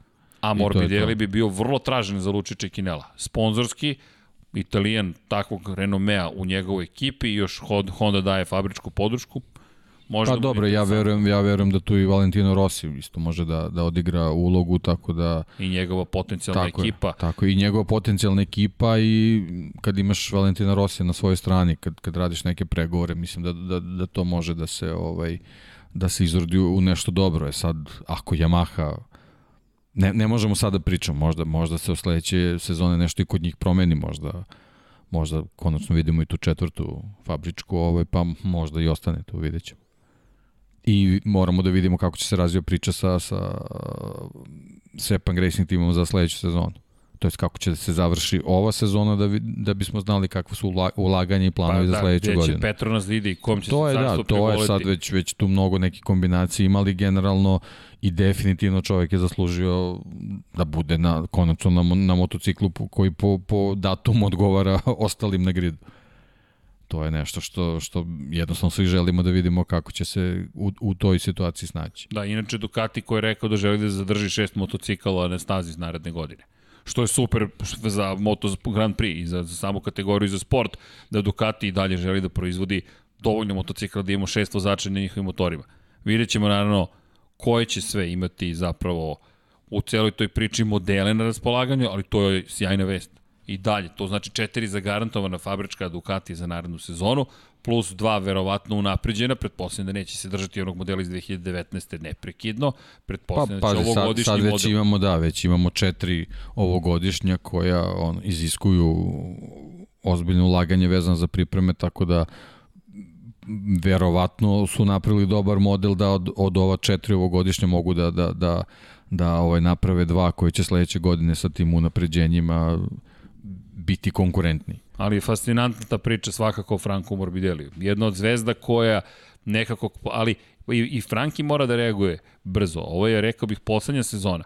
Opet vraćamo se na priču o njemu i Aleksu Markezu. Dolaze nove generacije. Dolaze ljudi koji će koji će te oterati bukvalno. Jednostavno će te istisnuti iz šampionata sveta i nećeš više imati gde da ideš mislim da ovo veoma važna godina iz te perspektive. Inače, dosta ljud bio posle prve trke i nije baš štedeo Yamahu. Rekao je, znam da nisam na spisu na listi prioriteta za Yamahu, ali nadam se da će me ozbiljno shvatiti da će se ozbiljno pozabaviti ovim problemom. Spustio loptu malo kasnije, ali opet ostaje činjenica da, da Morbidelli već sada stavlja do znanja nisam zadovoljan. Što je za očekivati čovjek je bio vice šampion trenutno 15. No, duga je da. sezona još 17. Ali dobro, da, bio je dobar prošle godine u u Portimao, podaci su tu, ekipa je tu, trebaju samo da, da uporede te podatke, da, da ih prilagode evoluciji motocikla, to jest unapređenjima koji imaju, eto, možda, možda može, može da bude nešto bolje i da, da ne budemo u pravu sa ovom pričom, ali vidjet ćemo. Naravno. Vidjet ćemo. Vrlo moguće. Inače, Absolut. ko nije osvojio poene? Luka Marini, Iker Lekona, Takaki Nakagami, Lorenzo Savadori, Danilo Petrucci, za sada bez bodova i Alex Marquez. Alex Marquez, koji inače nije klasifikovan uopšte u šampionatu sveta. Ako, se, ako pogledate stanju u šampionatu sveta, 21 vozač ima klasifikaciju, pošto su stigli do cilja makar u jednoj trci, Alex Marquez je jedini vozač koji nije stigao do cilja ni u jednoj trci. Samim tim ne, nije klasifikovan uopšte u šampionatu sveta. Nećete ga naći na spisku. Što je poražavajuće i neprihvatljivo, kako za njega, tako i za njegovu ekipu. Ali, da, pet vozača za sada, šest zapravo bez bodova, što opet će biti intrigantna bitka. Ljudi, bitka za poene je postala intrigantna u Moto Grand Prix, kao u Moto Trojkama, pričat ćemo tu o Maksimilinu Kefleru kada kažemo, ok, ovde će, ovo će biti krajnje zanimljivo. No, Moto Grand Prix, moramo da ga ostavimo sa strane, s obzirom na činjenicu da imamo još tri kategorije zapravo, za one koji ne znaju, samo kratko, Moto E klasa, Izašla je na stazu, električni motocikli su tu i vožena je prva trka, ali koja je simulacijona trka, svake sezone pred početak godine, Moto je u šampionat ima simulacijonu trku. Ljudi, Dominik Egerter je ponizio sve ostale. Kada kažem ponizio, čovjek je napravio 11 sekundi prednosti u Moto E, u to simulacijonoj trci Moto E kategorije. Kad uzmete obzir da oni ljudi imaju petinu krugova koje imaju u Moto Grand Prix klasi, dođete do toga da je Dominik koji, koji od nas mi je bio, vozio sam super krugove, 47-0, 47-5, niste mogli nikoga da vidite iza njega, gledam onu simulacijnu trku, razmišljam da li je ovo moguće i onda da, vidiš vozača koji je nekada vozio u Moto dvojkama, koji je pobeđivao u Moto dvojkama, koji je ultra talentovan, koji vozi svoju drugu punu sezonu u Moto E klasi i pokazuje ti šta može taj motocikl. I sada, kada bude jednog dana bila jača kategorija iz perspektive vozača, tek ćemo onda videti pravi razvoj, ali eto, Dominik Egerter već sada se negde nametno kao neko ko će biti favorit za osvajanje titule u trećoj sezoni Moto E šampionata. Tako da i to pratite. U Jerez će biti prva trka. U Jerezu je i održana simulacijona trka. Neka nova lica su se pojavile, neki novi klinci koji su dali komentare. Čekam start trke i ništa ne čujem oko sebe. Potpuno zbunjujuće iskustvo, ali i Moto je izašao na stazu. Tako da spremni smo i za njih. Još malo pa četiri trke po vikendu. Nije loše, što više trkanja, nama bolje a zanimljivo je da će se i tada poklopiti trkački vikend sa Formulom 1, velika nagrada Španije u Moto Grand Prix, velika nagrada Španije i u Formuli 1 u Jerezu, MotoGP-evci, Formula 1 u Barceloni. Ove godine je luda kuća na sve strane. I da se prebacimo mi na Moto2 kategoriju. Svidio mi se naslov koji je Simon napisao u The Race.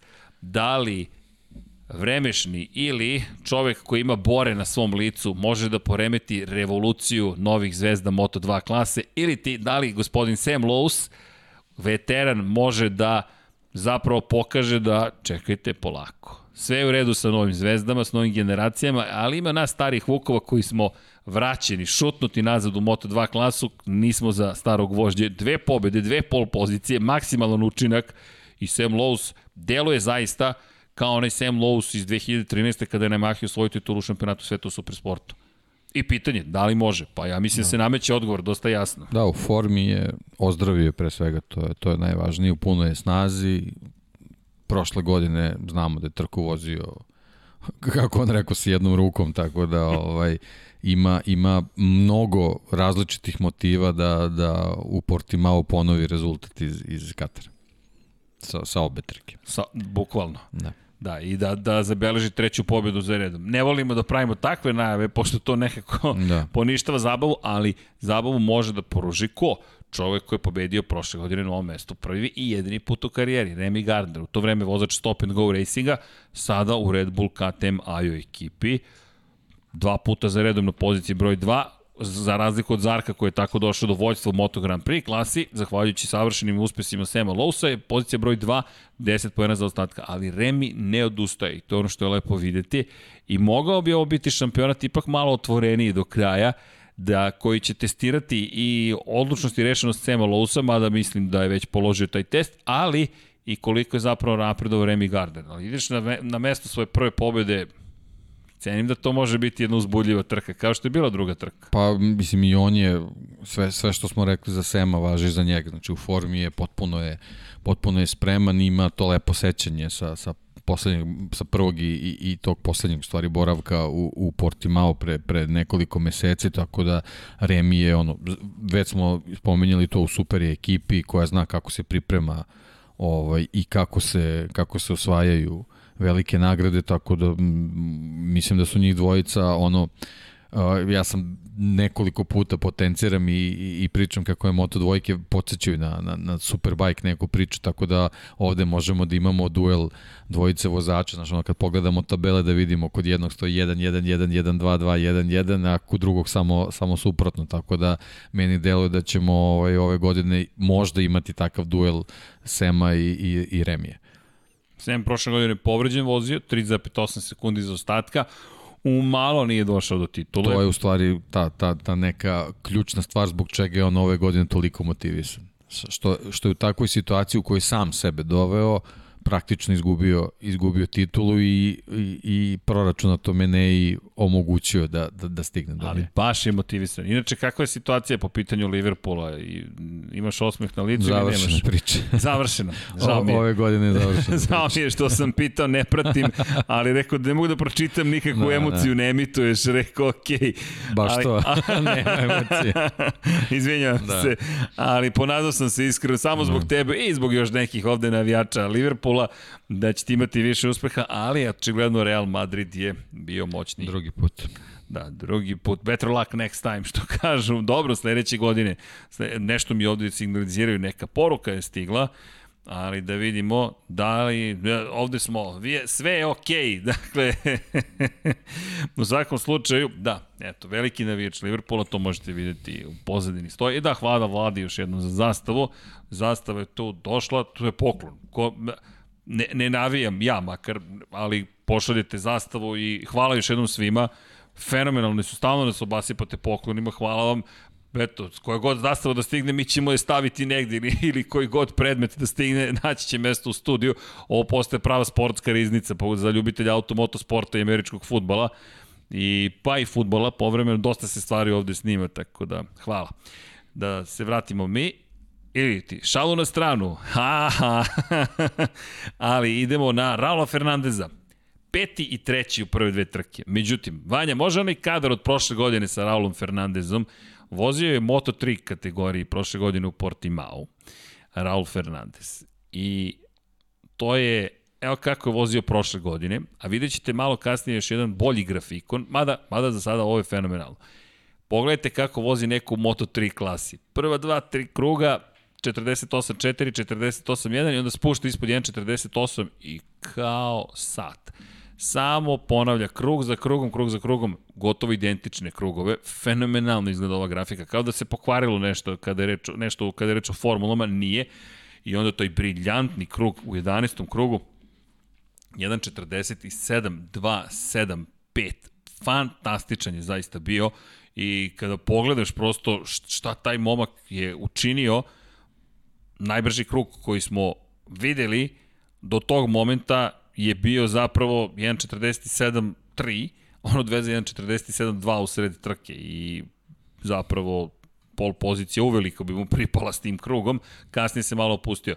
Pogledajte ovo, Raul Fernandez u, u, u odnosu na drugo plasiranog, kada je reč o tempu koji je postigao. Crveno je Raul Fernandez, ovo su drugo plasirane, ove plave nijanse.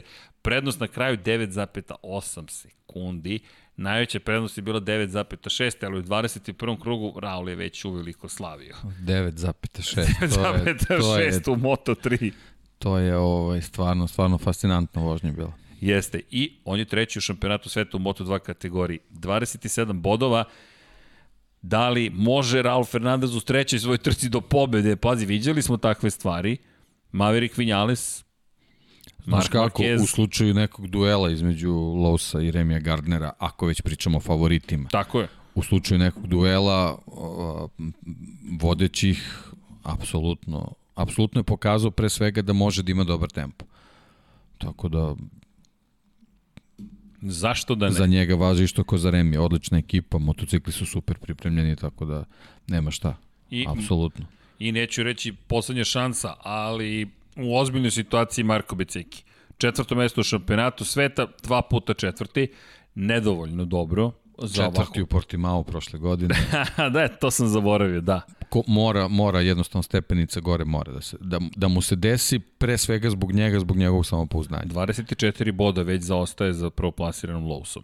To je mnogo. Pa to ono je što, pobjeda jedna. Da, da, praktično. To je bukvalno pobjeda. Ali znaš šta me, mislim da će biti zabrinjavajuće za Becekija? Može mu se desiti nešto što je on učinio Luki Marini i na jedan način, a to je Celestino Vijeti. Preskočit ću na trenutak Fabio Di Antonio, pozicije broj 5, Celestino Vijeti u prve dve trke na 12. i 7. mestu. Celestino kao da je jedan od onih momaka kome odgovara ovaj skok u Moto2 klasu. Pa da, kao, kao, kao neko ko se privikava, to je to je baš, baš lepo. I ukoliko tako nastavi, pitanje trenutka rekao bih kada će ugroziti Marka Becekija. A onda se situacija i odnos u ekipi menja. Ne odnos ekipe prema vozaču, već prosto odnos između vozača, to jest, pa možemo reći i sam pogled na sebe koliko će samo pouzdanje u toj situaciji imati Beceki. Ili da li će ga to možda dodatno motivisati. U svakom slučaju Marko Beceki ima baš ozbiljan vikend ispred sebe. Možemo da nastavimo da spomenjamo. Ima tu sada veliki broj vozača, istakao bih opet do, do šljake iz Moto Trojke, a je Oguru, baš je dobro vozio, ali bih istakao takođe i neku vrstu ozbiljnog problema za Joe Robertsa, nije dobar bio u prva dva vikenda, za nekoga ko je došao u šampionski tim i rekao hoću skoku napred, ovo je korak, ozbiljan korak unazad, Jake Dixon takođe se nije proslavio i generalno speed-upovci, to je Bosko Skuro kao proizvođač. Inače, Bosko Skuro, za sve koji se eventualno pitaju otkud ta promena, pa Bosko Skuro je sada počeo da se bavi proizvodnjom motocikala. Luka Bosko Skuro je osnivač Speed Upa. Speed Up je ostao trkački tim, ali u cilju promocije robne marke, to je svojih motocikala koji se mogu kupiti, je Bosko Skuro sada naziv šasije koje se koristi u šampionatu sveta. Da, eto, razjasnimo i to, to pitanje promene, pošto više ne postoji speed up kao šasija, speed up postoji samo, samo kao trkački tim, a Bosko Skuro šasija, no kako god da se zove ove godine, to baš nije na onom nivou koji je bio prošle godine, tek 9 poena, Kalex savršen sa 50 bodova. Ali eto, test za Bosko Skurovce. I naravno Moto3 kategorija, gde se postavlja pitanje da li je Pedro Acosta taj Da li je Pedro Acosta taj? Drugo mesto i pobjeda sa startom iz pit lane-a i pitanje je jednostavno, svi, svi ga postavljaju širom sveta. Da li je Pedro Acosta taj? Ti si ga najavio pre sezone, cijela generacija Wunderkindova je stigla, podsjeća me na jedan način i na tu sezonu 2013. koju smo imali. Možda će naredne godine biti to ponovljeno, kada su se Maverick Vinales koji osvojio titulu na kraju, Alex Rins i Luis Salom, koga smo tragično zgubili 2016 tokom treninga Moto2 kategorije borili do kraja za titulu šampiona sveta i sve se svelo na poslednju trku sezone ko bude ispred konkurenta, ko zabeleži pobedu osvoja titulu, Louis Salom nije napravio ni jednu grešku te godine, osim u poslednjoj trci sezone, a Rins je u poslednjoj krivini poslednjeg kruga, poslednje trke šampionata sveta te godine, izgubio poziciju brojem, to je Maverick Vinales koji je rezervisan bio cijele sezone ga je napao upravo tu, ona čuvena poslednja krivina u Valenciji, pretekao i prvi prošao kroz cilju svoju titulu. E, tako mi izgleda ova sezona. Pa, ono, već smo pričali, pa da, da si ne ponavljamo vezano pre svega za, za Kostu, mislim da smo dobili novog superstara, jer način kako je pobedio na prošloj trci, to se ne radi svaki dan. To jednostavno moraš da budeš to kova, da, da, da, da to uradiš i to jednostavno nije slučajnost. Ne, ne može da bude slučajnost. Ovaj, tako da te, te bitke koje, koje si spomenuo, ja, ja verujem da je, da je Kosta taj kalibar koji će to moći da nam, da nam pruži u budućnosti, a što, što se tiče trke u Portimao, nemamo reper vezan za Moto Trojke od prošle godine, što se tiče njega, ali, ali činjenica da je on svoju prvu pobedu u karijeri u, u svetskom, na, na tim nekim svetskim međunarodnim okvirima zabeleži upravo ovaj, u Portimao, govori da, da dobro zna tu stazu i da dolazi prepun samo, samopouzda, pouz, samopouzdanja tu i, i da jednostavno zna, zna šta želi da apsolutno ovaj, od njega možemo da očekujemo maksimum i u, i u Portimao. S druge strane, Masija u svojoj poslednjoj trci za, za Leopard nije završio trku ovaj, u Portimao, tako da i on kao, kao timski kolega koji očekivao da će biti nosilac čitave priče u, u KTM-aju, sad ima dodatni pritisak da, da on mora da pokaže svoj kvalitet, tako da tu, tu ćemo imati borbu na, na, na dva kraja garaže bez ikakvih problema. Aki ja je rekao, moto trojke su kao rat. Tako je. Bukvalno je opisao, je. rekao je, to je rat. I rekao je za celu sezonu njegovu, da su napravili jasan, da nisu, da nije to rekao, ali jasan sistem se ističe. Jedan iskusan vozač u Moto trojkama, Jaume Masi, jedan iskusan vozač u Moto dvojkama, Remy Gardner i dvojica impresivnih Novajlija. Raul Fernandez u Moto 2 klasi, Pedro Acosta u Moto 3 kategoriji.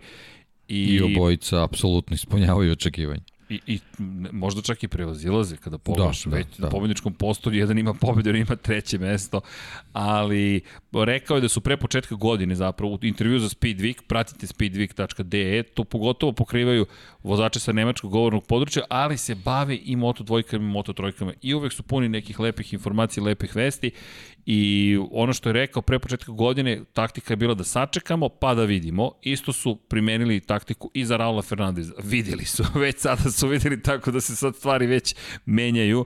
Ali rekao Aki Ajo da moraš da budeš ludi ratnik da bi uspeo u Moto3 kategoriji. To smo videli Naravno, ne trči pred rudu finski menadžer, rekao je polako. Što se tiče Pedra Kost, a Koste vidjet ćemo. I lepo si rekao, Masi je sad taj koji ima jedan lep pritisak u svojoj ekipi, pre čemu Pedro Acosta vodi u šampionatu sveta, 9 poena ispred Derina Bindera. Pazi, 9 poena ima prednosti u odnosu na Derina Bindera. Mi govorimo o klincu koji je tek stigao juče u šampionat sveta, ima ličnog asistenta, ima pobedu, ima do drugo mesto, ima start iz pit lane-a i vođstvo u šampionatu sveta A kada pogledamo njegovu karijeru do sada, kada zauzme tu poziciju, nije baš neko ko misli da će tako lako pustiti. Još ide stopama Raula Fernandeza, ima podatke od Raula Fernandeza iz prošle godine i kada sve to sabereš, dođemo u Algarve i Pedro Acosta može biti zajedno sa Jaume Masijom naravno veoma opasan. No Derin Binder sve pohvale, deki čovjek je stigao u Petronas i jedina svetla tačka celokupnog tima Petronasa ove sezone. John McPhee inače kažnjen za onaj incident sa Jeremijem Alcobom. Alcoba će startovati 5 sekundi posle paljanja zelenih svetala u pit lane-u a čak 10 sekundi posle paljanja zelenih svetala će startovati John McPhee, koji je rekao nije trebalo onako da reagujem posle incidenta u kojem je izbačen i u drugoj trci za redom, Čavi Artigas ga izbacio u prvoj trci, vozač Leopard Racinga, u drugoj trci Jeremy Alcoba, čovjek koji predstavlja ekipu Gresinija, reagovao je tako što je šutnuo zapravo Jeremy Alcobu, uzašao fizički duel i rekao je kasnije nije trebalo tako da reagujemo, ali frustracija se već ozbiljno osetila, pa eto da ne zaboravimo da Petronasovci imaju dosta problema, ali jednu svetlu tačku Terina Bindera, inače rođenog brata Breda Bindera, šampiona sveta ove kategorije Moto3 iz 2016. godine i onda Đame Masija dolazi koji ima 4 pojena manje od Bindera, 13 pojena manje od klubskog kolegija na poziciji broj 3 u šampionatu sveta i onda nijedno prijatno izneđenje Nicolo Antonelli, samo da special shout out tu Nicolo Antonelli, zašto?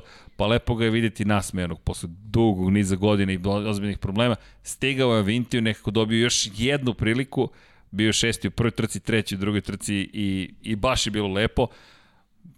Moram priznati da je emotivan bio trenutak.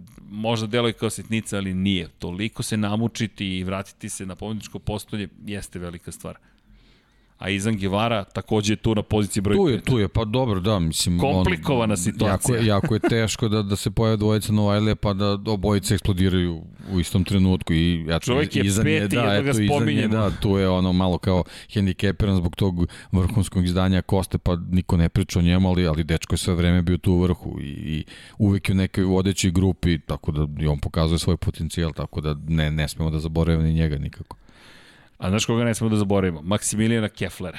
To je, ja, ja, ja želim o ovome da pričam zašto.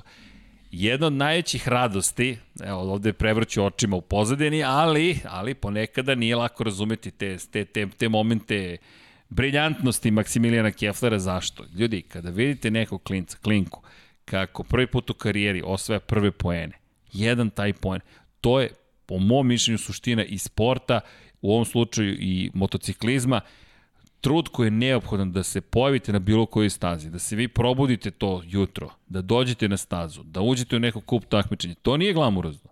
Nema tu 104 kamere, helikopter, nije tu Valentino Rossi koji inače za Pedra Kostu rekao da je impresivan. To gledaju roditelji. I da ga čeka u Moto I da ga čeka. Tako je. Čeka strpljivo. Ali tih ljudi nema. Nema nikoga, tu su mame, tate, sudije i obavezno osoblje i to je otprilike to, to je sve.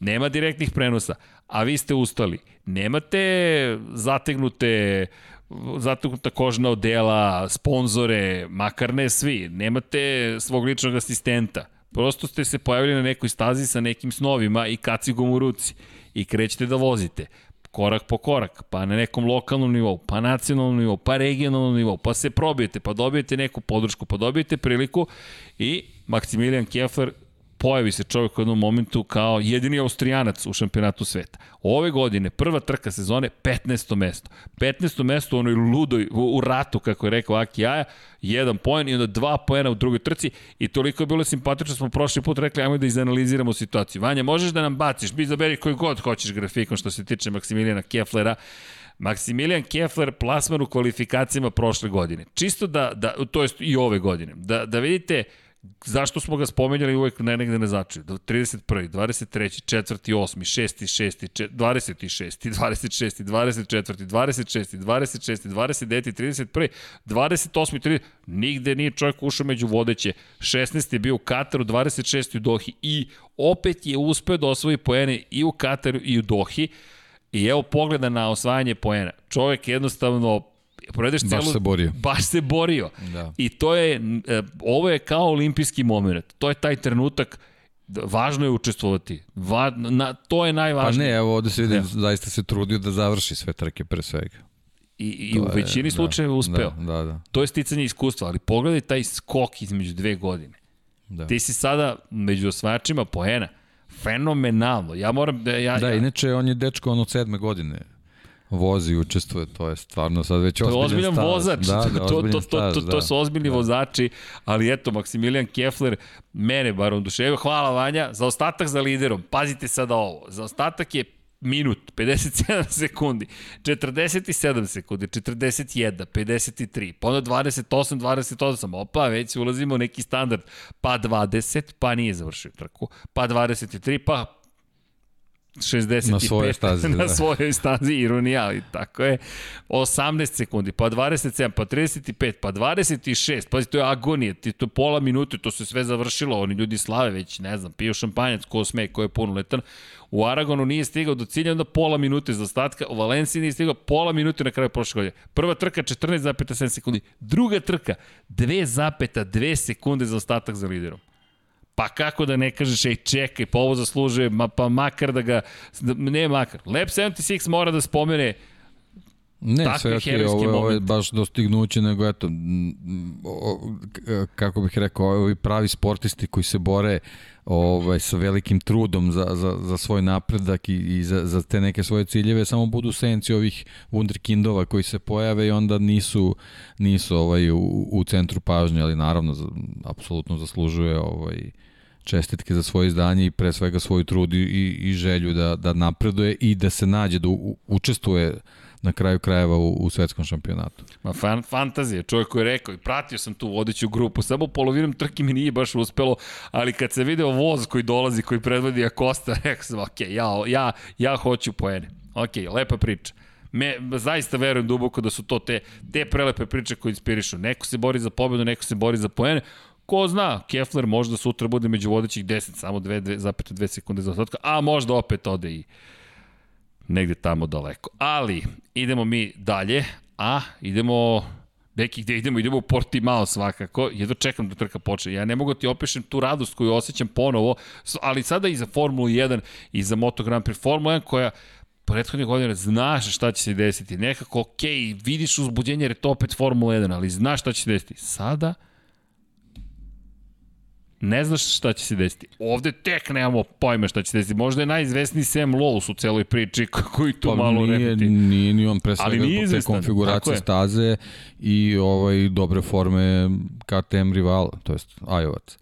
Tako da ništa tu nije nije izvesno.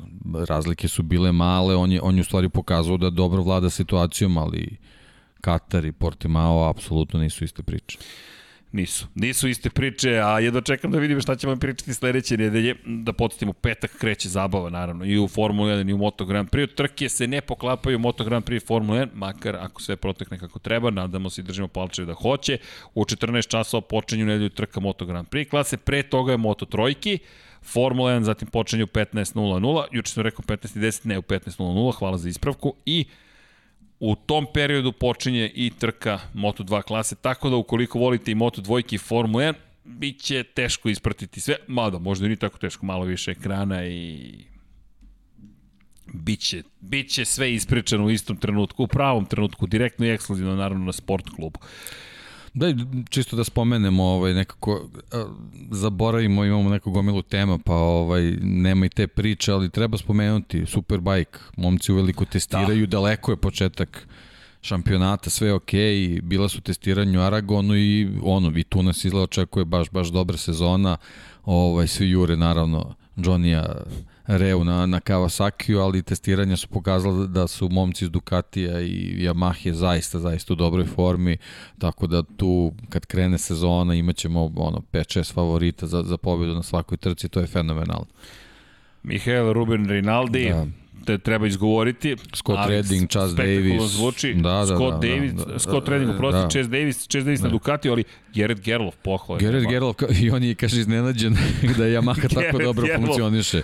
Da, tu nam je Toprak, tako Treći. da, da, to je, ovaj, stvarno će biti ovaj, jako, jako velika borba. Da li... Ajde, Ducati, to smo nekako očekivali, ali mislim da, da izgledi, ni, ni, što se tiče Yamahe, ni oni na ovim testiranjem nisu očekivali ovako dobre rezultate.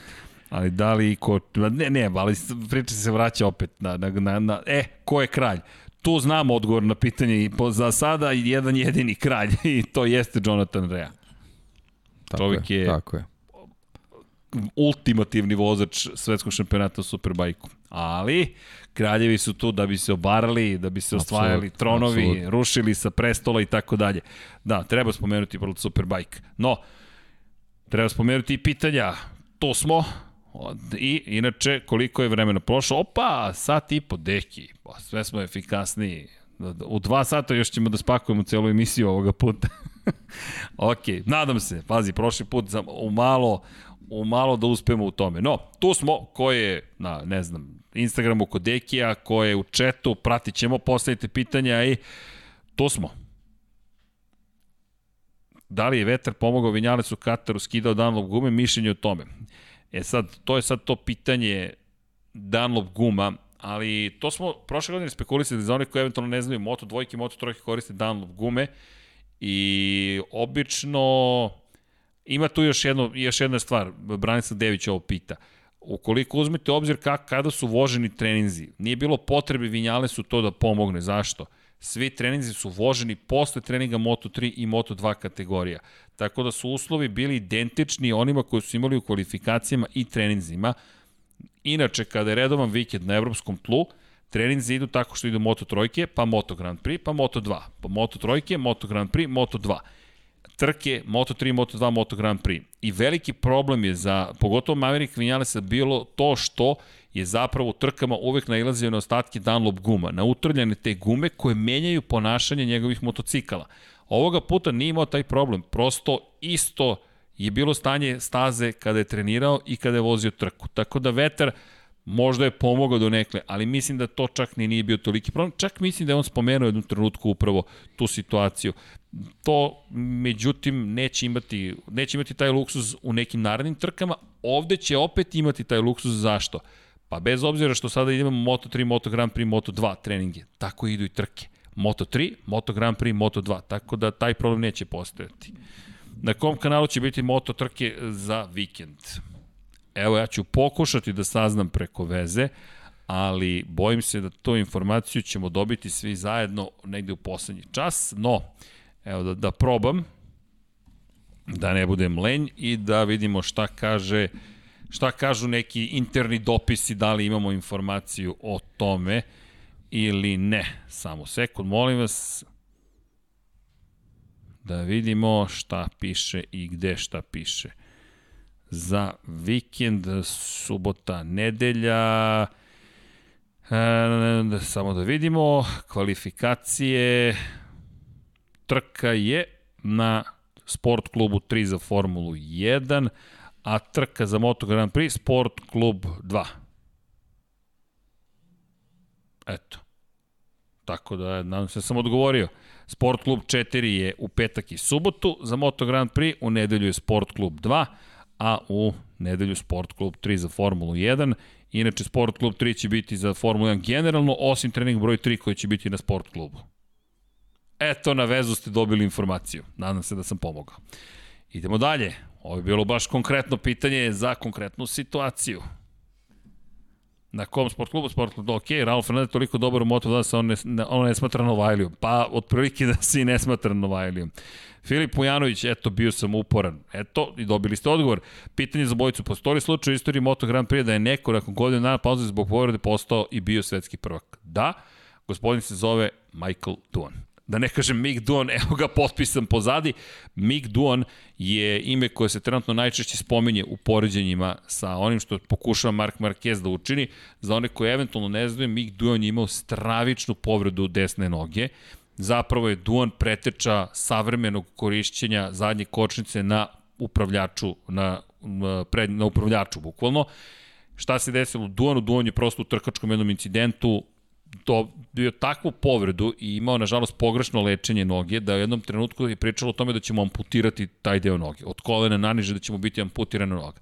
Australijanac je uradio sve što je bilo u njegovom mo no, moći da spasi nogu, međutim, više nije mogao da koči. Zadnja kočnica, za one koji voze znaju, ko ne zna, na desnoj strani, nožna kočnica je u pitanju za zadnji točak. Duan nije mogao da pritisne nogu, ja sad guram nogu, toliko jako da koči I šta je uradio? Prebacio je na upravljač, na levu stranu upravljača, na palac leve ruke, prekidač kojim kontroliše zadnju kočnicu.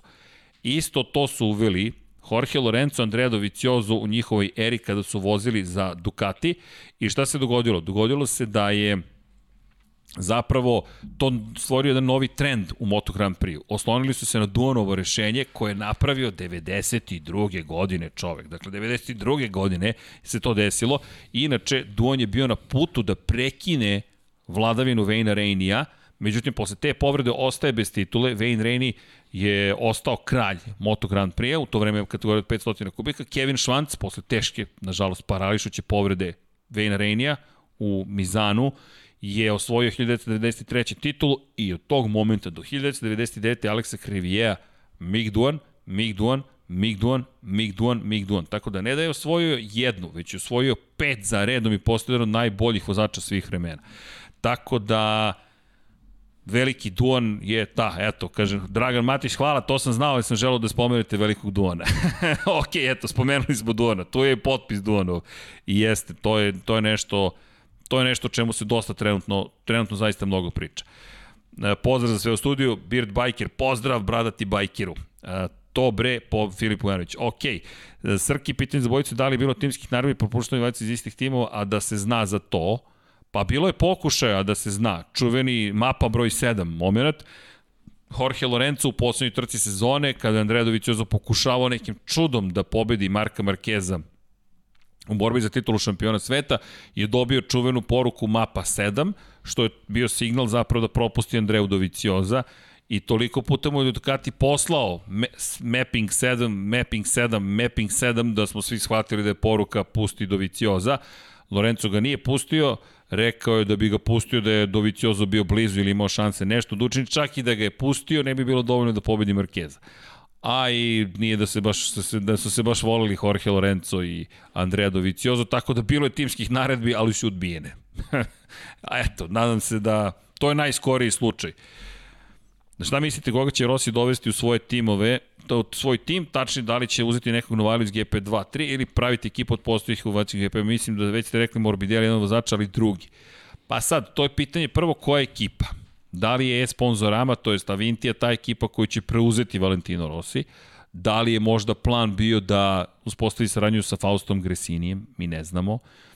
Rossi, ljudi, koliko god da je njegovo lično bogatstvo, voditi tim u Moto Grand Prix, to je skupa zabava. I čuveno pravilo važi u svakom automotosportu. Želiš da postaneš milioner, počni kao milijarder. Automotosport jede novac.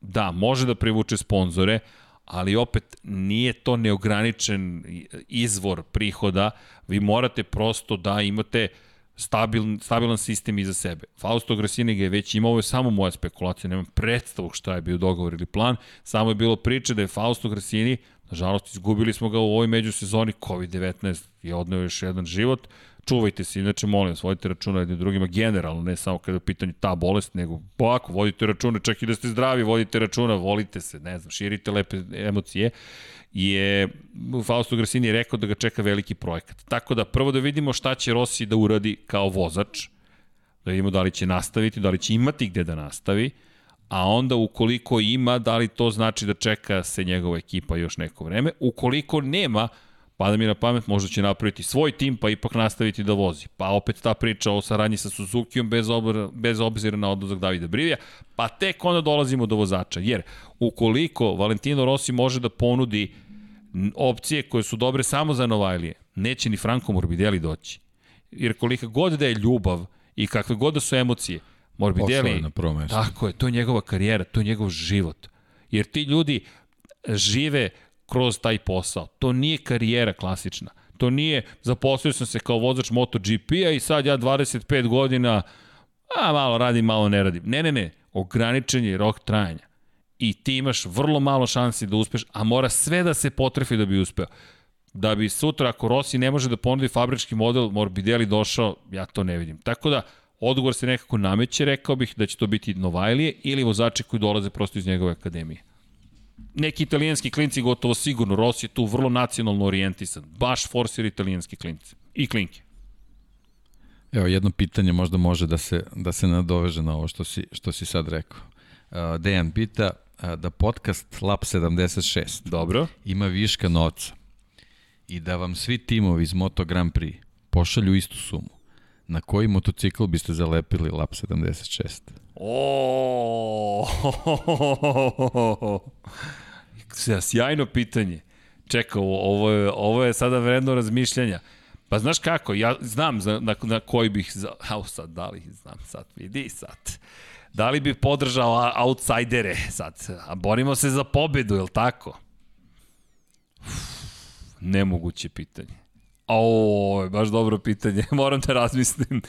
Moram da razmislim. S jedne strane, ako hoćemo realistično, ide se na pobedu, nekako nameće se odgovor, ali pa ako hoćeš na pobedu, uf, a da li za koju istoriju se vezuješ? Da li dele tvoje vrednosti ili ne dele tvoje vrednosti? S jedne znači, strane... Znači iste suma sponzorstva. Da, iste suma sponzorstva. Da. Hmm. Nemo, evo Dom Pablo, Dom Pablo zna odgovor. Dom Pablo bi stavio na Valentina Rosija i tu bi se završio. Ne, O, šokiran sam u celoj ovoj priči. Pa na koga biste stavili? Dom Pablo? Ducati. To je odgovor Dom Pablo. Dobro, Ducati. Pa ne znam, znaš kako, imaš Rosija koji je legenda, zamisli na Rosijevom motoru ti stoji Lab 76. Znaš, ne, koja diskusija. S druge strane, Marquez će se boriti za pobede, verovatno, pa si stalno tu negdje, na pobedničkom postolju. Pa sad šta ti je, šta, šta, šta juriš?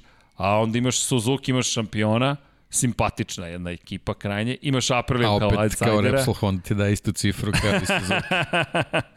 ne, ne, Suzuki ispada, evo Suzuki je otpao. KTM, pa KTM je okej okay ekipa, ali ne, tek su stigli, znaš, nije to to. Honda Yamaha, ali to ti ne, ovdje sad piše pitanje vozača. U, kako dobro pitanje, zapleto smo se. Gde sada staviti svoj znak? Bravo, Deki, za pitanje. Bravo, Dejane, da, ovo je da, da. super pitanje. A mogu da uzim manje sponzorstva? pa ne znam, to nije pitanje. Nemoj mene ja da to zalepio. Da, da. Ne, ali to je sad pitanje kao Red Bull i Monster, znaš, na koga ćeš da staviš. Pa ne znam, to je baš teško pitanje. Pa ne, stavio bih... E, ima super pitanje, baš, ima, baš je ovaj, svaka mu čast za pitanje. Bih na, da. na, stavio bih na Rosijev motor. Stavio bih na Rosijev motor, jer je to deo istorije. Bukvalo deo istorije. Pa zamisli fotku, ne razumem, Dom Pablo nešto dobacuje, na Petronas je maho, eto. Eto, da odgovorim tako, zašto? Zamisli samo fotografiju imaš Petronas, pa sad ja obraćam igricu, Petronas i Maha, pa dok se ne penzioniše. A kad se penzioniše, onda odeš na Repsol Honda. Slušajte Lab 76. da. Gledajte i pratite. Da, ali da, da, pa ne znam, eto, mislim da bih stavio na Rosije, prosto to što je deo legendarne priče neki. Ne, nešto mi ovde dobacuju. Su, sufleri. Dobro pitanje. Pitali su za tim ne vozače. Podgovorio sam Petronas Yamaha, ne znam čemu je problem. Dakle, odgovor je vrlo jasan. Peto, Petronas Yamaha. Nadam se da... Šta ti kažeš, deki? Ti ćutiš mudro. A ne, znam pa ne. neki, e-sponzorama. e-sponzorama da, Ducati. Da, da. Zna se, Nea Bastianini nosi broj 76. Ja sam Patreon uvijek bio. Tako, da. pa ne, vidi, ja bih najradije stavio na Apriliju. Iskreno, stavio bih najradije na Apriliju, zato što bih volio da ih podržim i da kažem ajmo outsideri, idemo u bitku da vidimo da li može se pobedi, ali ovo je ipak deo nekog, neke, neke, neke druge priče. Šta je sledeće pitanje? Ja, može još jedno. Ma može, naravno, pa vidim da je raspoložen. Zašto niko ne uradi sa Moto Grand Prix Drive to Survive kao što su radili sa Formulom 1? Radi Amazon. Amazon je ove godine počeo da snima, tako da ćete to na Prime video. Ko ne zna Prime, prosto je nastao iz Amazon Prime usluge, to je sada Prime Videos, to je njihov streaming, prosto njihov streaming servis i naredne godine ne znamo kako će se zvati, ali ćete imati Moto Grand Prix iza kulisa. Ne zaboravite to. Ne zaboravite, tako da. je. Dobro, da vidimo ovde komentare. Outsider, Randy Deponije, šta god vozi znamo, čekajte da vidimo šta je ovde. Zbog čega je Moto 2 kategorije tako manje zanimljiva od ostalih? Mislim da na početku se podelo u grupe, posle više pratimo vremena njihovo preticanje, svi imaju iste motore. Filipe, to je sad, pa nije, nije uvek tako. To je ove godine Sam napravio haos, Lowe's od, od kategorije. Pa, ne znam, ne bih ja rekao da nije zanimljivo. Ne, ne, meni je zanimljivo, samo je na drugi način zanimljivo.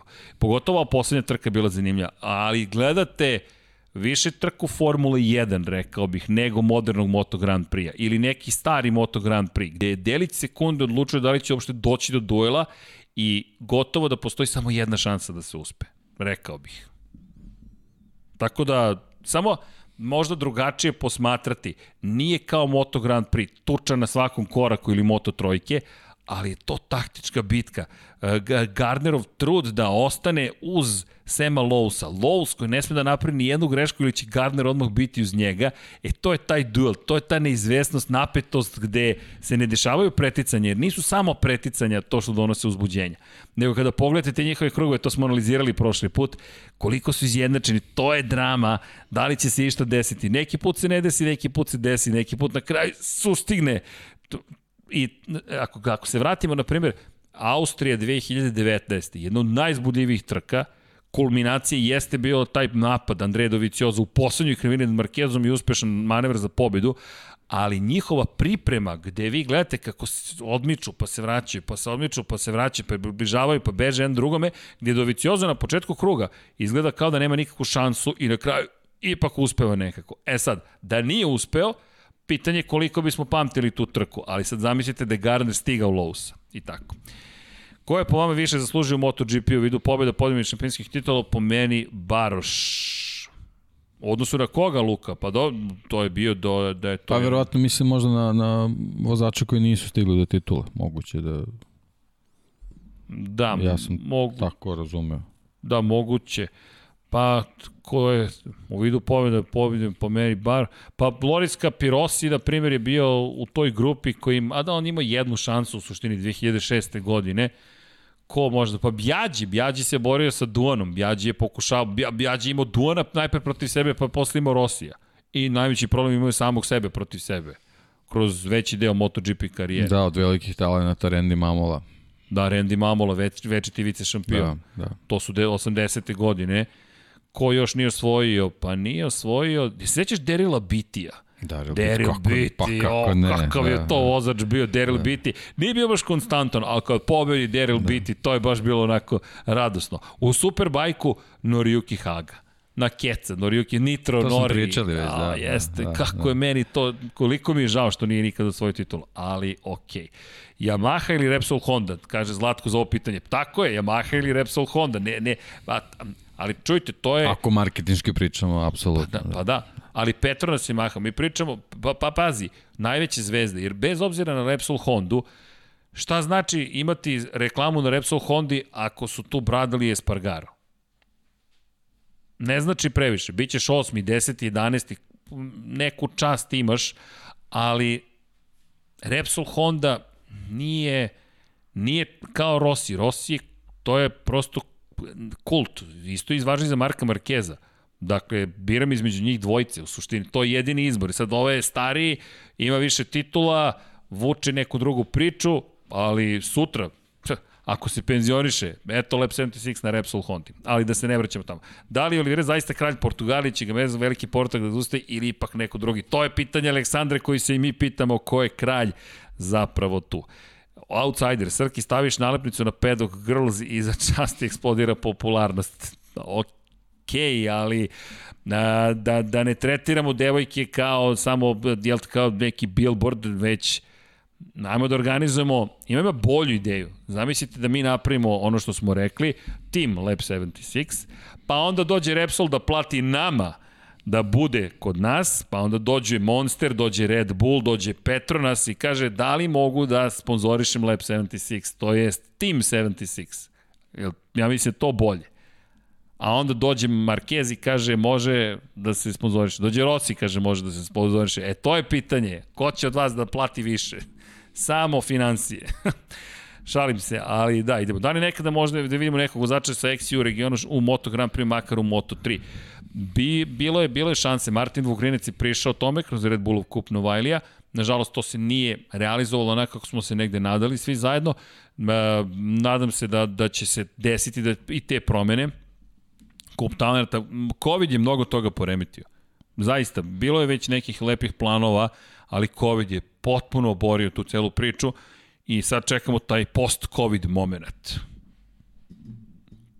Da vidimo šta još imamo od pitanja. Ja se izvinjam, e. meni su neka pitanja stigla, ali telefon je... Telefon je zabagao, da, dok odbaguje te, da telefon. Da. Nešto je baš ove... Ovaj, hvala svima, vidio sam da je stiglo dosta pitanja. Štef, ako slučajno ne uspem e, da... ovo je zanimljivo ove... pitanje. Po vašem mišljenju, ko je imao bolju konkurenciju? Rossi u Zenitu ili Mark Marquez u Zenitu? Ima tu velika razlika. Ima tu velika razlika. Ne bih sveo samo na konkurenciju u, u vidu vozača, koliko u vidu samog, kako kategorija izgleda trenutno. Pogotovo poslednjih, poslednjih pet godina, posle, mada poslednje tri i, i tekako, ove dve su posebne, mada prošla je problematična, ali kada pogledate da vi imate 19 fabričkih motocikala na stazi u ovom momentu, 19 fabričkih motocikala, to se nikada u istoriji Moto Grand Prix nije desilo. Dakle, krenemo odatle. Postavka je takva da, pričamo sada o ovoj eri, ovo je era Marka Markeza, bez obzira što trenutno nije na tronu, nema šampionsku kruru, nikada niko nije imao takvu konkurenciju tehničko-tehnološki gledano. Kada je reč o samim talentima, mislim da je Rosijeva generacija bila moćnija. Zašto? Mi pričamo o periodu u kojem su se, i tu imate podelen na tri ere praktično, kada je reč o Rosijevoj karijeri u Moto Grand Prix-u. Prva era, to je ta bitka protiv Maxa Bjađija, nada sve Maxa Bjađija, pa Seteja Gibernala. I tu možemo da pričamo o tome da je bio za klasu iznad njih, da je bio prosto nadmoćni. Međutim, druga era, tu sada već dolazi Jorge Lorenzo, to je prolazi pre svega Casey Stoner, dolazi Jorge Lorenzo. Dosta se sumnjalo u te momke kada su se pojavili. Sad iz ove perspektive kada se vratimo i pogledamo šta su ti ljudi radili, to je već ozbiljna konkurencija. Ne zovemo ih slučajno vanzemaljcima. Treći koji se pojavljaju u toj priči svakako je Dani Pedrosa, koji nije osvojio titulu, ali ne sme biti zaboravljen. I onda dolazi Mark Marquez. To su nestvarni vozači, to su istorijske ličnosti u ovom sportu. Koliko god da mi je drag Miri, koliko god poštujem činjenicu da je šampion sveta, kada pogledamo brojeve pobjeda koje su ostvarili, pa i načine na koje su ostvarili titul u nižim kategorijama, Dani Pedrosa je bio dominator. Ljudi, on je osvojio tri titule za tri godine. To je dominantan vozač svoje generacije bio do ulazka u Moto Grand Prix kategoriju. Jorge Lorenzo je stasavao u tom vremenu. Casey Stoner je stasavao u tom vremenu. Andrea Dovizioso je osvojio titul u tom periodu, a nije van zemaljac. Tako da, Rossi iz te perspektive imao je duele koji su broj, brojčano gledano imao jaču konkurenciju na taj način. S druge strane, Marquez je imao dueli protiv isto tog Valentina Rosija. Ne zaboravimo, u jednom momentu je to bilo vrlo izjednačeno protiv Jorgea Lorenza. Samo nije imao Casey Stonera iz te grupe i Danija Pedrosu koji je već bio van Zenita, već, već je bio na, na, na izlasku iz Moto Grand Prix i izdominirao je Danijem Pedrosom. Tako da, brojčano imaju ih i manje, ali karijera Marka Markeza je ja se nadam na, negde na polovini, nije, nije, da ova povreda neće njega ozbiljnije uticati. Tako da, hajde da sačekamo da vidimo koga će još imati Mark Marquez. Ovo je ozbiljna godina sada. Ne vidim nužno takve vozače kakvi su Jorge Lorenzo, Casey Stoner ili Dani Pedrosa u, na vrhuncu slave. Valentino Rossi dalje vozi, ali nije to taj Valentino Rossi. Tako da, Eto, nadam se da sam odgovorio. Deki, ne znam da li se ti slažeš. Pa, da, apsolutno, to je to, je to a posebno što jedna karijera nije zaokružena, pa sad Marquez je mlad čovjek, 28 analize, godina tako ima. Tako je. Ima 28 godina. Ajde odvojite jednu cijelu misli o tome, o tome gde bi stavili nalepnicu Nikola M. Pa, pa možemo da odvojimo cijelu emisiju Nikola, ali eto, nadam se da smo odgovorili. Ali da, dobro. Da, imamo dizajn već urađen, tako da... tako je, tako je. Da. Koju stazu biste volili da ponovo vidite u Moto Grand Prix šampionatu? Pa, možemo na žmurečki da mu odgovorimo Laguna Seca. Već smo odgovarali, da. To je, to je uvek tako. Da, tak, tak, šta mislite kako će povratak Markeza delati na stazi delati pre svega na ovi starije Maha vozače? Pa što ih izdvajati. da, na bilo koga kako će da. izgledati. Biće tu biće to baš baš ha, do, pitanje, to je pitanje, nemamo odgovor. To, to saznaćemo u, u nedelju. Saznaćemo u nedelju svi zajedno. Hajde da pogađamo gde će da završi Mark Marquez u nedelju. Ej, hoćeš da pretpostavimo gde će da završi? Čisto igre radi. Podijum. Podijum. Hmm. Da, da podijum sigurno, ali sad to pitanje da li mislim da će biti teška bitka u svakom slučaju, da klinci, to jest nova generacija neće hteti tako lako da, da mu dozvoli da, da izdominira, da, da šta god učini da će reći ne, ne, ne, ne, ne, mi te ne puštamo, ne, ne ponovo, ne tako lako, pogotovo ako izdominira sada na prvoj, na prvoj trci, to je glavobolja, za sve njih je to glavobolja, ali da li mislim da podijem svakako, hm, da li će pobediti? Pa ili prvo ili drugo mesto, to mi je, ali ajde da, da se komitujem, ili ne, ne, ne, treći sigurno neće biti, to peti, šesti, da li će pobediti Mark Marquez? Hoće. Dom Pablo odmahnuo glavom, čim je Dom Pablo odmahnuo glavom, znao sam, to je to, tako da, eto. Nasmeo sam i tebe. Okay. Deki ovde spomenju ti Liverpool, neću ni da prenosim, kao što vidiš nisam preneo, ali dobro. Pole Spargaro, da je kasnije samo 2,5 sekunde, to niste istakli. Jeste, Pole Spargaro je imao tu veliku grešku na kraju, ali opet je imao grešku. E, e bio je, ali svi su bili blizu kada to pogledati. Aleš Spargaro nije bio previše daleko. Pole nas je oduševio u predsezoni, ali opet, opet se nešto desilo. Kao prošle godine kada je trebalo da pobedi, svaki put se nešto desilo. Svaki put kada je bio nadomak toga da uradi nešto više ili da se popne na pobedničko postolje, nešto se desilo. Postaje već zakonitost, nije slučajnost. Lab 76 brojevi 91 i 93 posvećeni Šumacheru i Markezu. Bliži nam se ti brojevi, da, da, da. Obećali smo za Šumahera, Da ima 88, 91. Dede, pada tačno za Formulu 1. Čekaj, pre što odgovoriš im jedno pitanje za da. tebe. Da. Ovaj, da li ćemo sutra da radimo neki podcast? E, e da, mogli bismo da radimo sutra. A, ali je to specijal ili je to pa broj? Pa ne znam, Šta sad to? moraš da smisliš. Da da, da Martina ostavimo 89-ku ili Zama, aha, aha, idemo na tu stranu. Evo ovako, bit će sigurno specijal 91 za Schumachera i za 93 za Markeza, nema šta. Sad samo vidit ćemo kako ćemo da se poigramo s brojevima, kada, koji će to biti, ali da, bit će posvećeni. A da li sad trebaš da najaviš sutrašnji podcast? Da, treba da najavimo sutrašnji podcast. Ko slušajte dola, dobro. Ko nam dolazi dobro sutra? Slušajte. Ko nam sutra dolazi? Deki, molim te, ti si organizator, budimo realni, cenjenog skupa. E, sutra će s nama da bude čovek koji je možda jedini sa ovih prostora koji je uspeo da ove godine bude na trci Formula 1 i da je gleda iz prvog reda. Čisto da znate, bilo je jedne trke da. Formula 1, pa da, da budemo vrlo precizni i ne samo što je gledao, već je i bio vredan. Da, da, čak i ove kovećuje neke stvari. Tako da, da ukoliko želite, da hoćemo da ostavimo misterioznu osobu ili ćemo da najavimo?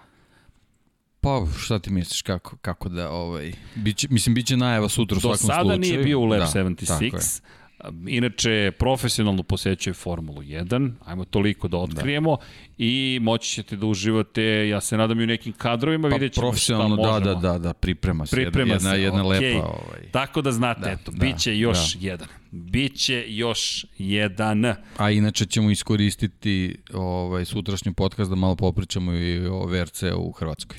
E, da, da, to, to, to, tome ćemo Zato što će ta osoba i tamo da bude. Tihomir... I ponovo u prvom redu. Tihomir Perišić pita kako sve Novajlije, i to više puta, videli smo po pitanje Tihomire, ne brinite, dakle, kako sve Novajlije upadaju u slabije timove, a Mark Marquez debituje na Hondi. Pa nisu sve Novajlije upadale u slabe timove. Dani Pedrosa je stigao u Repsol Hondu, Valentino Rossi je potpisao ugovor sa Hondom fabrikom, ali je dobio da vozi za satelitski tim, ali je dobio podršku fabričke ekipe. To je samo formalno uh, bio satelitski tim, pripadao je fabričkoj ekipi, tako da nije. Jorge Lorenzo je dobio fabrički ugovor odmah, stigao je u fabričku Yamahu, nije, nije, nije to potpuna informacija. Mnogi od njih nisu debitovali u fabričkim timovima, ali mnogi od njih jesu. I to su baš vanzemaljci koje smo upravo spomenuli. Svi oni su debitovali u fabričkim timovima. Ne postoji niko iz te plejade vozača koji je došao u satelitski tim, pa onda nešto morao da radi u satelitskom timu. To se to se gotovo ne dešava. Tako da nije Mark Marquez prvi, inače Casey Stoner je birao svog naslednika, Casey Stoner je rekao treba da se angažuje Mark Marquez da dođe u Hondu. I nije loše izabrao kada pogledate rezultate koje je doneo Hondi. Ne znam da li imamo još neki primjer skorije vreme da je Novajlija stigao u, u fabrički tim, da u fabrički tim je došao Sam Lowe, Aprilia ga angažovala za, za fabrički tim, Možda nije najjači fabrički tim, ali su ga tako angažovali. Brad Binder je stigao u fabrički tim KTM-a. Nije Tihomir, to vam je utisak. Ima mnogo ljudi koji su debitovali na, na, na fabričkim motorima, fabričkim timovima, ali evo možete sami da vidite, celu godinu neko drugi vozi za fabrički tim Honda i ne da nema pobede, nego prvi put da Honda nema pobedu od 1983. godine. Tako da eto, Marquez je, da, predodređen kao klinac još, on ima prvog sponzora sa 8 godina da se, da se trasira taj put za njega, ali je i doneo te rezultate. Nije Zoran Živko, on je već bio, tako da... Tako da je neko novi. Kada je sutra podcast? Kada nam je sutra 19. podcast? 19h, tako da znate, eto. Alex Marquez je do, došao u fabrički, tako je Mina, Alex Marquez je takođe došao u fabrički tim. Tako da ima, to, ima tu puno vozača koji su stigli tako. Je, spoj, postoji neka šansa za jednu emisiju Isle of Man TT i Goodwood festivalu brzine. Postoji. Postoji, sad malo se ubrzavamo, malo se, se vraćamo na neke šine uobičajene, pa, pa ćemo biti aktivniji. A inače, Boris kaže, poslušam deki tip za Katar oko Zarka, nisam imao se reći za pobedu ili za podim mjeste. Šta tipuje za nedelju? Šta tipuješ za nedelju, deki?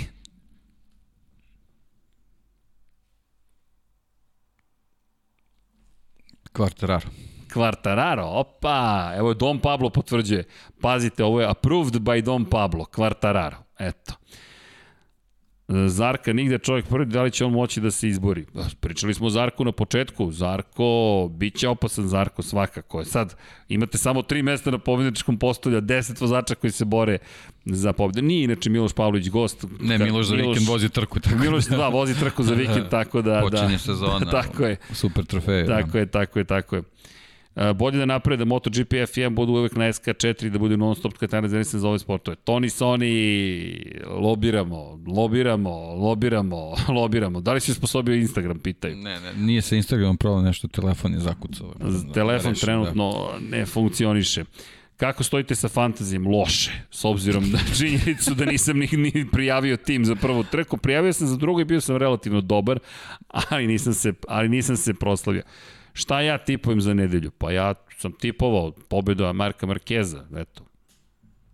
Bukvalno, to, to mi je tip. Dakle, pobeda Marka Markeza, a na pobedničkom postolju, ako pitate, mislim da će Zarko ponovo biti na pobedničkom postolju, duboko verujem da će se to dogoditi i slažem se s Dekim da će Kvartararo biti veoma opasan. Tako da eto, Marquez, Kvartararo, Zarko. A meni Eto, dao sam cijelo meni je znači. Quartararo, Zarko, Marquez, ili kako sam već rekao. ali dobro. Ali to je to, pa ne, Ali isti su, za Markeza si rekao da, pobedničko da. postavlje, Pa samo to, nisi to, rekao da. gde. Ali isto trojicu smo izabrali. Eto vidi. Ohoho. Znači ništa. Znači, kladite Igrajte se na kontra. Miguela Igrajte Oliveiru. kontra. Evo, čovjek piše Johar ili Miguel za prvo mesto, slažem se. Kaže Filip Đekić, Srke, da zamenite podcast F1 i MotoGP samo sledeće nedelje, pa pa da dođe misleći da je F1 podcast u stvari MotoGP. e, nije loša ideja. Raškica, da. Krenemo da pričamo i, i, i to je to. Ljubiša pita da li će Doviciozo u Apriliju. Naredne godine najverovatnije. To je naša spekulacija. Možda bude neki wild card ove godine, ne znamo, vidjet ćemo. Sve od njega zavisi. E, strale, slušaj ovo, Mark Marquez, Mir Banjaja. Mm, Mir na bolničkom postoju Portimao, to bi bio veliki, veliki uspeh. To bi zaista bio veliki uspeh. Na kraju pobedi Martin. Može, neće se niko buniti ako Neće, pobedi neće. Novajlija, verujte. Peko na podijumu, ima sad tu puno komentara na, na, na, na, na celu priču. Da čekamo da se sposobi Dekijev telefon, ne, ne bismo li dobili još neka pitanja. E da, pitanje, e da, za tebe pitanje, ko pobeđuje u Imoli u nedelju?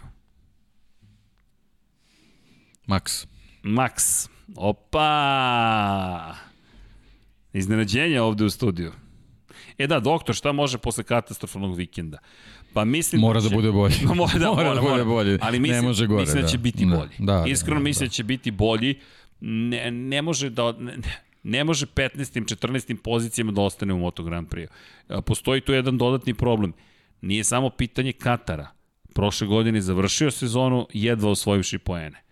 Tako da Rossi je ovo treća trka za redom u kojoj je prosečan. To, to je nedopustivo za njega. Tako da mislim da će biti mnogo bolji.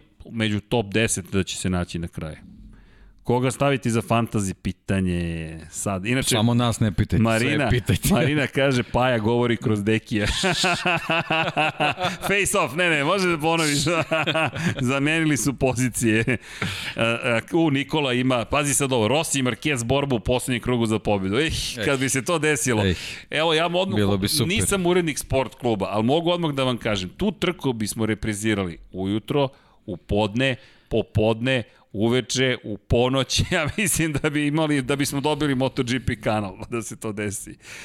Kaže, pitanje, Deki, koji ti datum draži, 25. maj 2005. ili 7. maj 2019. Ah, svi ti datumi su moje deca, nemaš kako da se... Ne, ne, 25. maj 2005. neprevazićen. A Miloš Pupovac, zašto je MotoGP na SK, ne na Sport klub, zašto stalno menjate? Evo, ljudi, sam, samo jedna stvar. E, Da, ja prenosim na Sport klubu, ali Lab 76 je naše čedo, mi smo ga izmislili, bukvalno Infinity Lighthouse i cijela priča koju smo mi izmislili, suštinski podržavamo se međusobno sport klub i mi, ali nemamo mnogo veze iz te perspektive sa sport klubom. S druge strane, nisam urednik sport kluba. Što se mene tiče, na sport klubu 1 bi bila Formula 1, na sport klubu 2 bi bio MotoGP. 24 kroz I- i- 7. Tako je. I to bi bilo direktni prenosi kada su direktni prenosi, a posle njih reprize. Reprize kvalifikacija. Reprize. Pa plus split- screen. Tako je, pa, pa helikopterski snimak. Pa onda uradiš celu trku, komentarišeš, nalepiš komentarisanje, ali daš helikopterski snimak. Pa onda iz perspektive pobednika, pa onda iz perspektive poslednje plasiranog. E, vidi, možeš popuniš 24 časa za tili čas. Da li će biti Kosmos 76 poseban podcast ili će biti samo prenos i lansiranje? Biće i poseban podcast i spremamo emisije, tako da znate. I, I to ovih dana. Da, ovih dana, baš Čekamo helikopter čekamo i i helikopter. čekamo jednu raketicu isto da poleti, pa ćemo vidjeti kako ćemo da uklopimo termin. E, kaže Filip Đekić, kako naterati društvo da počnu da gledaju trke? Evo ovako. Danas mi je pisao gospodin, samo da vidim, na, ta, godine su stigle u naš grad, da vidimo Cvrčak u čizmama, ne znam kako se zove gospodin, ali naopak izloća mu je username, naopak izloća mi piše, kaže ovako. Pozdrav sređene, daj mi predlog za dve moto trke za pamćenje da zarazim neko ko nikada nije gledao moto trke. Moj odgovor je bio Katalunja 2009. Australija 2015. Austrija 2017.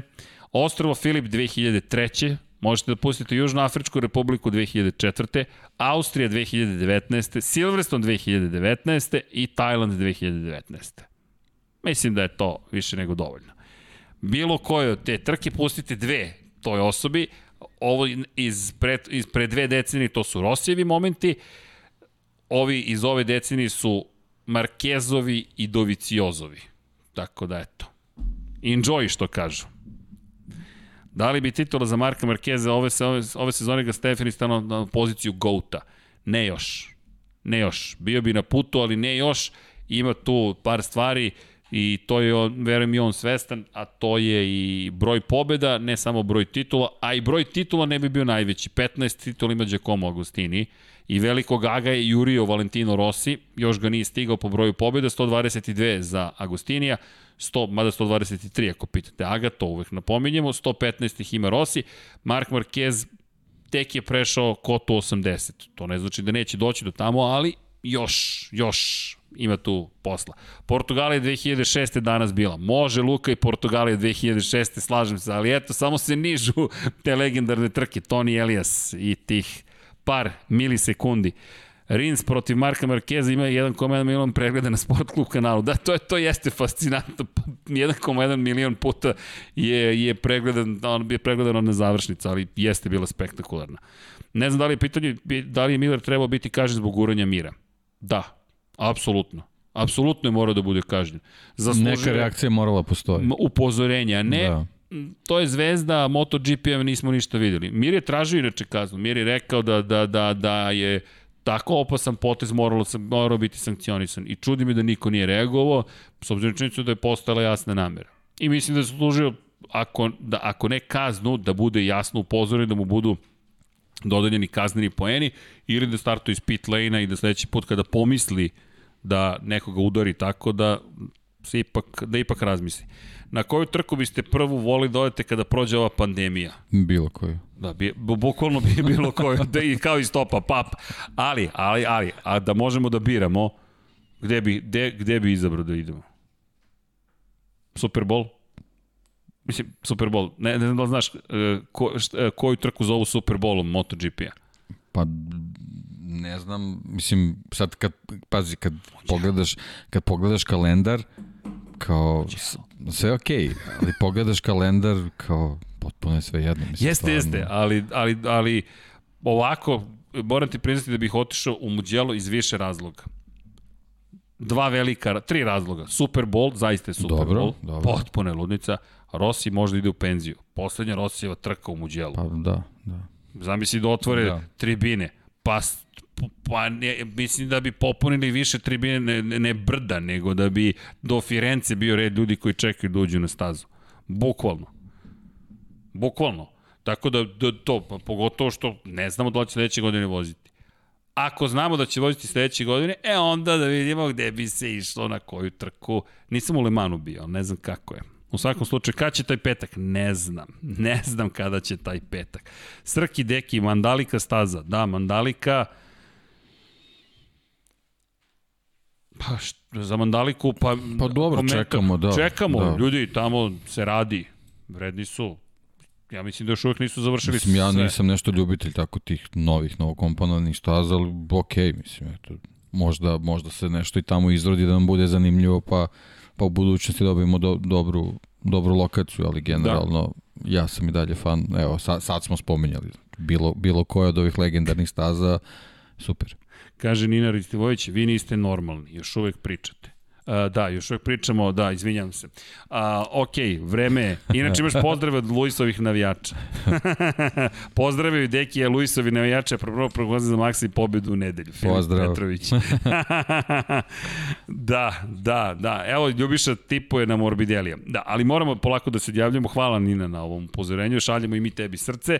U svakom slučaju, Vidimo da. Vidimo se za 18 sati 45 minuta, tako da... Tu smo. Čekaj, izgleda da su vesti uh, da je neko... Da, da, jeste. Jel jeste u Alpini? Pa za sad se to ovaj, tako pojavljuje, ali moguće da jeste. Biće da. zanimljivo. Zato imamo sutra podcast za 18 sati i za 18 časova i 40 i nešto minuta. minuta. Da. Ok, dakle, ali vesti ka, koje sada čitam jeste da je neko od vozača Alpine pozitivan na COVID-19 ili Fernando Alonso ili Esteban Ocon. Nema ih puno. Da. Nema ih mnogo.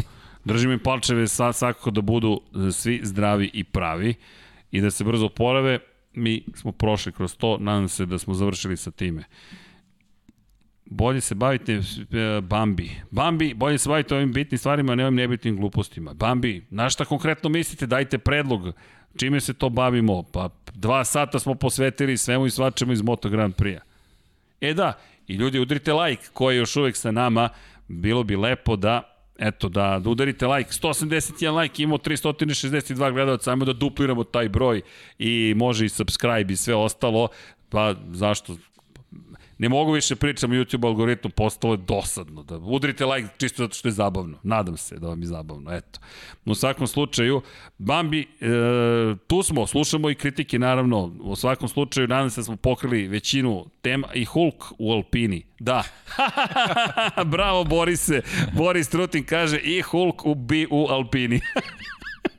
nekadašnji Renault, sad još da dođe sa onim Renaultom, žutom kacigom i kaže čekajte. E, Bambi o spašavanju planete. Pa Bambi, bavimo se mi i spašavanju planete. Nemojte, molim da pričate da su gluposti i stvari koje vama možda nisu bitne. Ne moramo da delimo mišljenje i nije samo Da li vi svaki dan pričate kada, na primjer, sa devojkom pričate o spašavanju planete ili kada pričate o kafi? Nemojte. Pustite to. Ovde se šire pozitivne emocije i lepo skrenite. Nemojte da govorite da su ovo naše stvari gluposti ja nisam došao kod vas i rekao vam je to gluposti. Recite ljudi, lepo je što pričate o manje bitnim stvarima, ali ako gledamo egzistencijalno, pa, svi ćemo nestati u jednom trenutku, tako da dalje bitno. Pratite Kosmos 76 i konačno, ukoliko znate našu poruku, stalno govorimo, vodite računa jedni u drugima i mazite se i pazite se zašto, zato što je to bitno. Ljubav je najvažnija i treba spašavati planetu, ali možda bi onda trebalo i da pogasimo YouTube kanale i telefone i sve ostalo. Tako da, ajmo da budemo I koliko ozbiljna situacija u svetu, gospodine, isto je ozbiljna koliko je bila i pre 100 godina, pre kada su se spremali za, kada se završio prvi svetski rat. Uvek je ozbiljna situacija i uvek je podjednako neozbiljna. Mi gledamo život iz te perspektive, tako da eto, nadam se da ćemo moći neko da podelimo s vama tu pozitivnu energiju. U svakom slučaju, pozdrav za duo snova, Srki, Srli i Deki, hvala. I u svakom slučaju, mi se radamo da ste uživali, odrite like još jednom, zato što je to zabavno, ništa drugo. Mi ne, ne, ne, cijela poruka je vrlo jednostavna. Gledajte Moto Grand Prix, uključite svoj DeLorean i onda povratak u budućnost. Mark Marquez se vraća na stazu, Andrea Doviciozo se vratio na stazu, Miguel Oliveira dolazi na mesto svoje najveće slave, Valentino Rossi u najvećoj krizi u karijeri, Yamahini vozači jedini imaju pobede ove sezone, Ducatijevci vode u šampionatu sveta, KTM-ovci pokušavaju da se oporave, Pole Espargaro dobija novi izazov u svojoj karijeri, Sam Lowe's pokušava da nastavi dominaciju Moto dvojkama i Pedro Acosta je prvi u šampionatu sveta u Moto3 klasi, a Moto E je vozila simulaciju trke dok se u Superbajku tek spremaju da započnu sezonu. Ja se nadam da ste uživali u izdanju broj 88 Lab 76. Pozdrav svima, svima bukvalno i ljudima koji nas i kritikuju, vole i manje vole i tako dalje. Treba se voleti, uživajte u ostatku večeri ili idete da spavate. Mi nećemo spavati jer to ne radimo. I vidimo se uskoro. Tako je. Ćao svima. Ćao svima.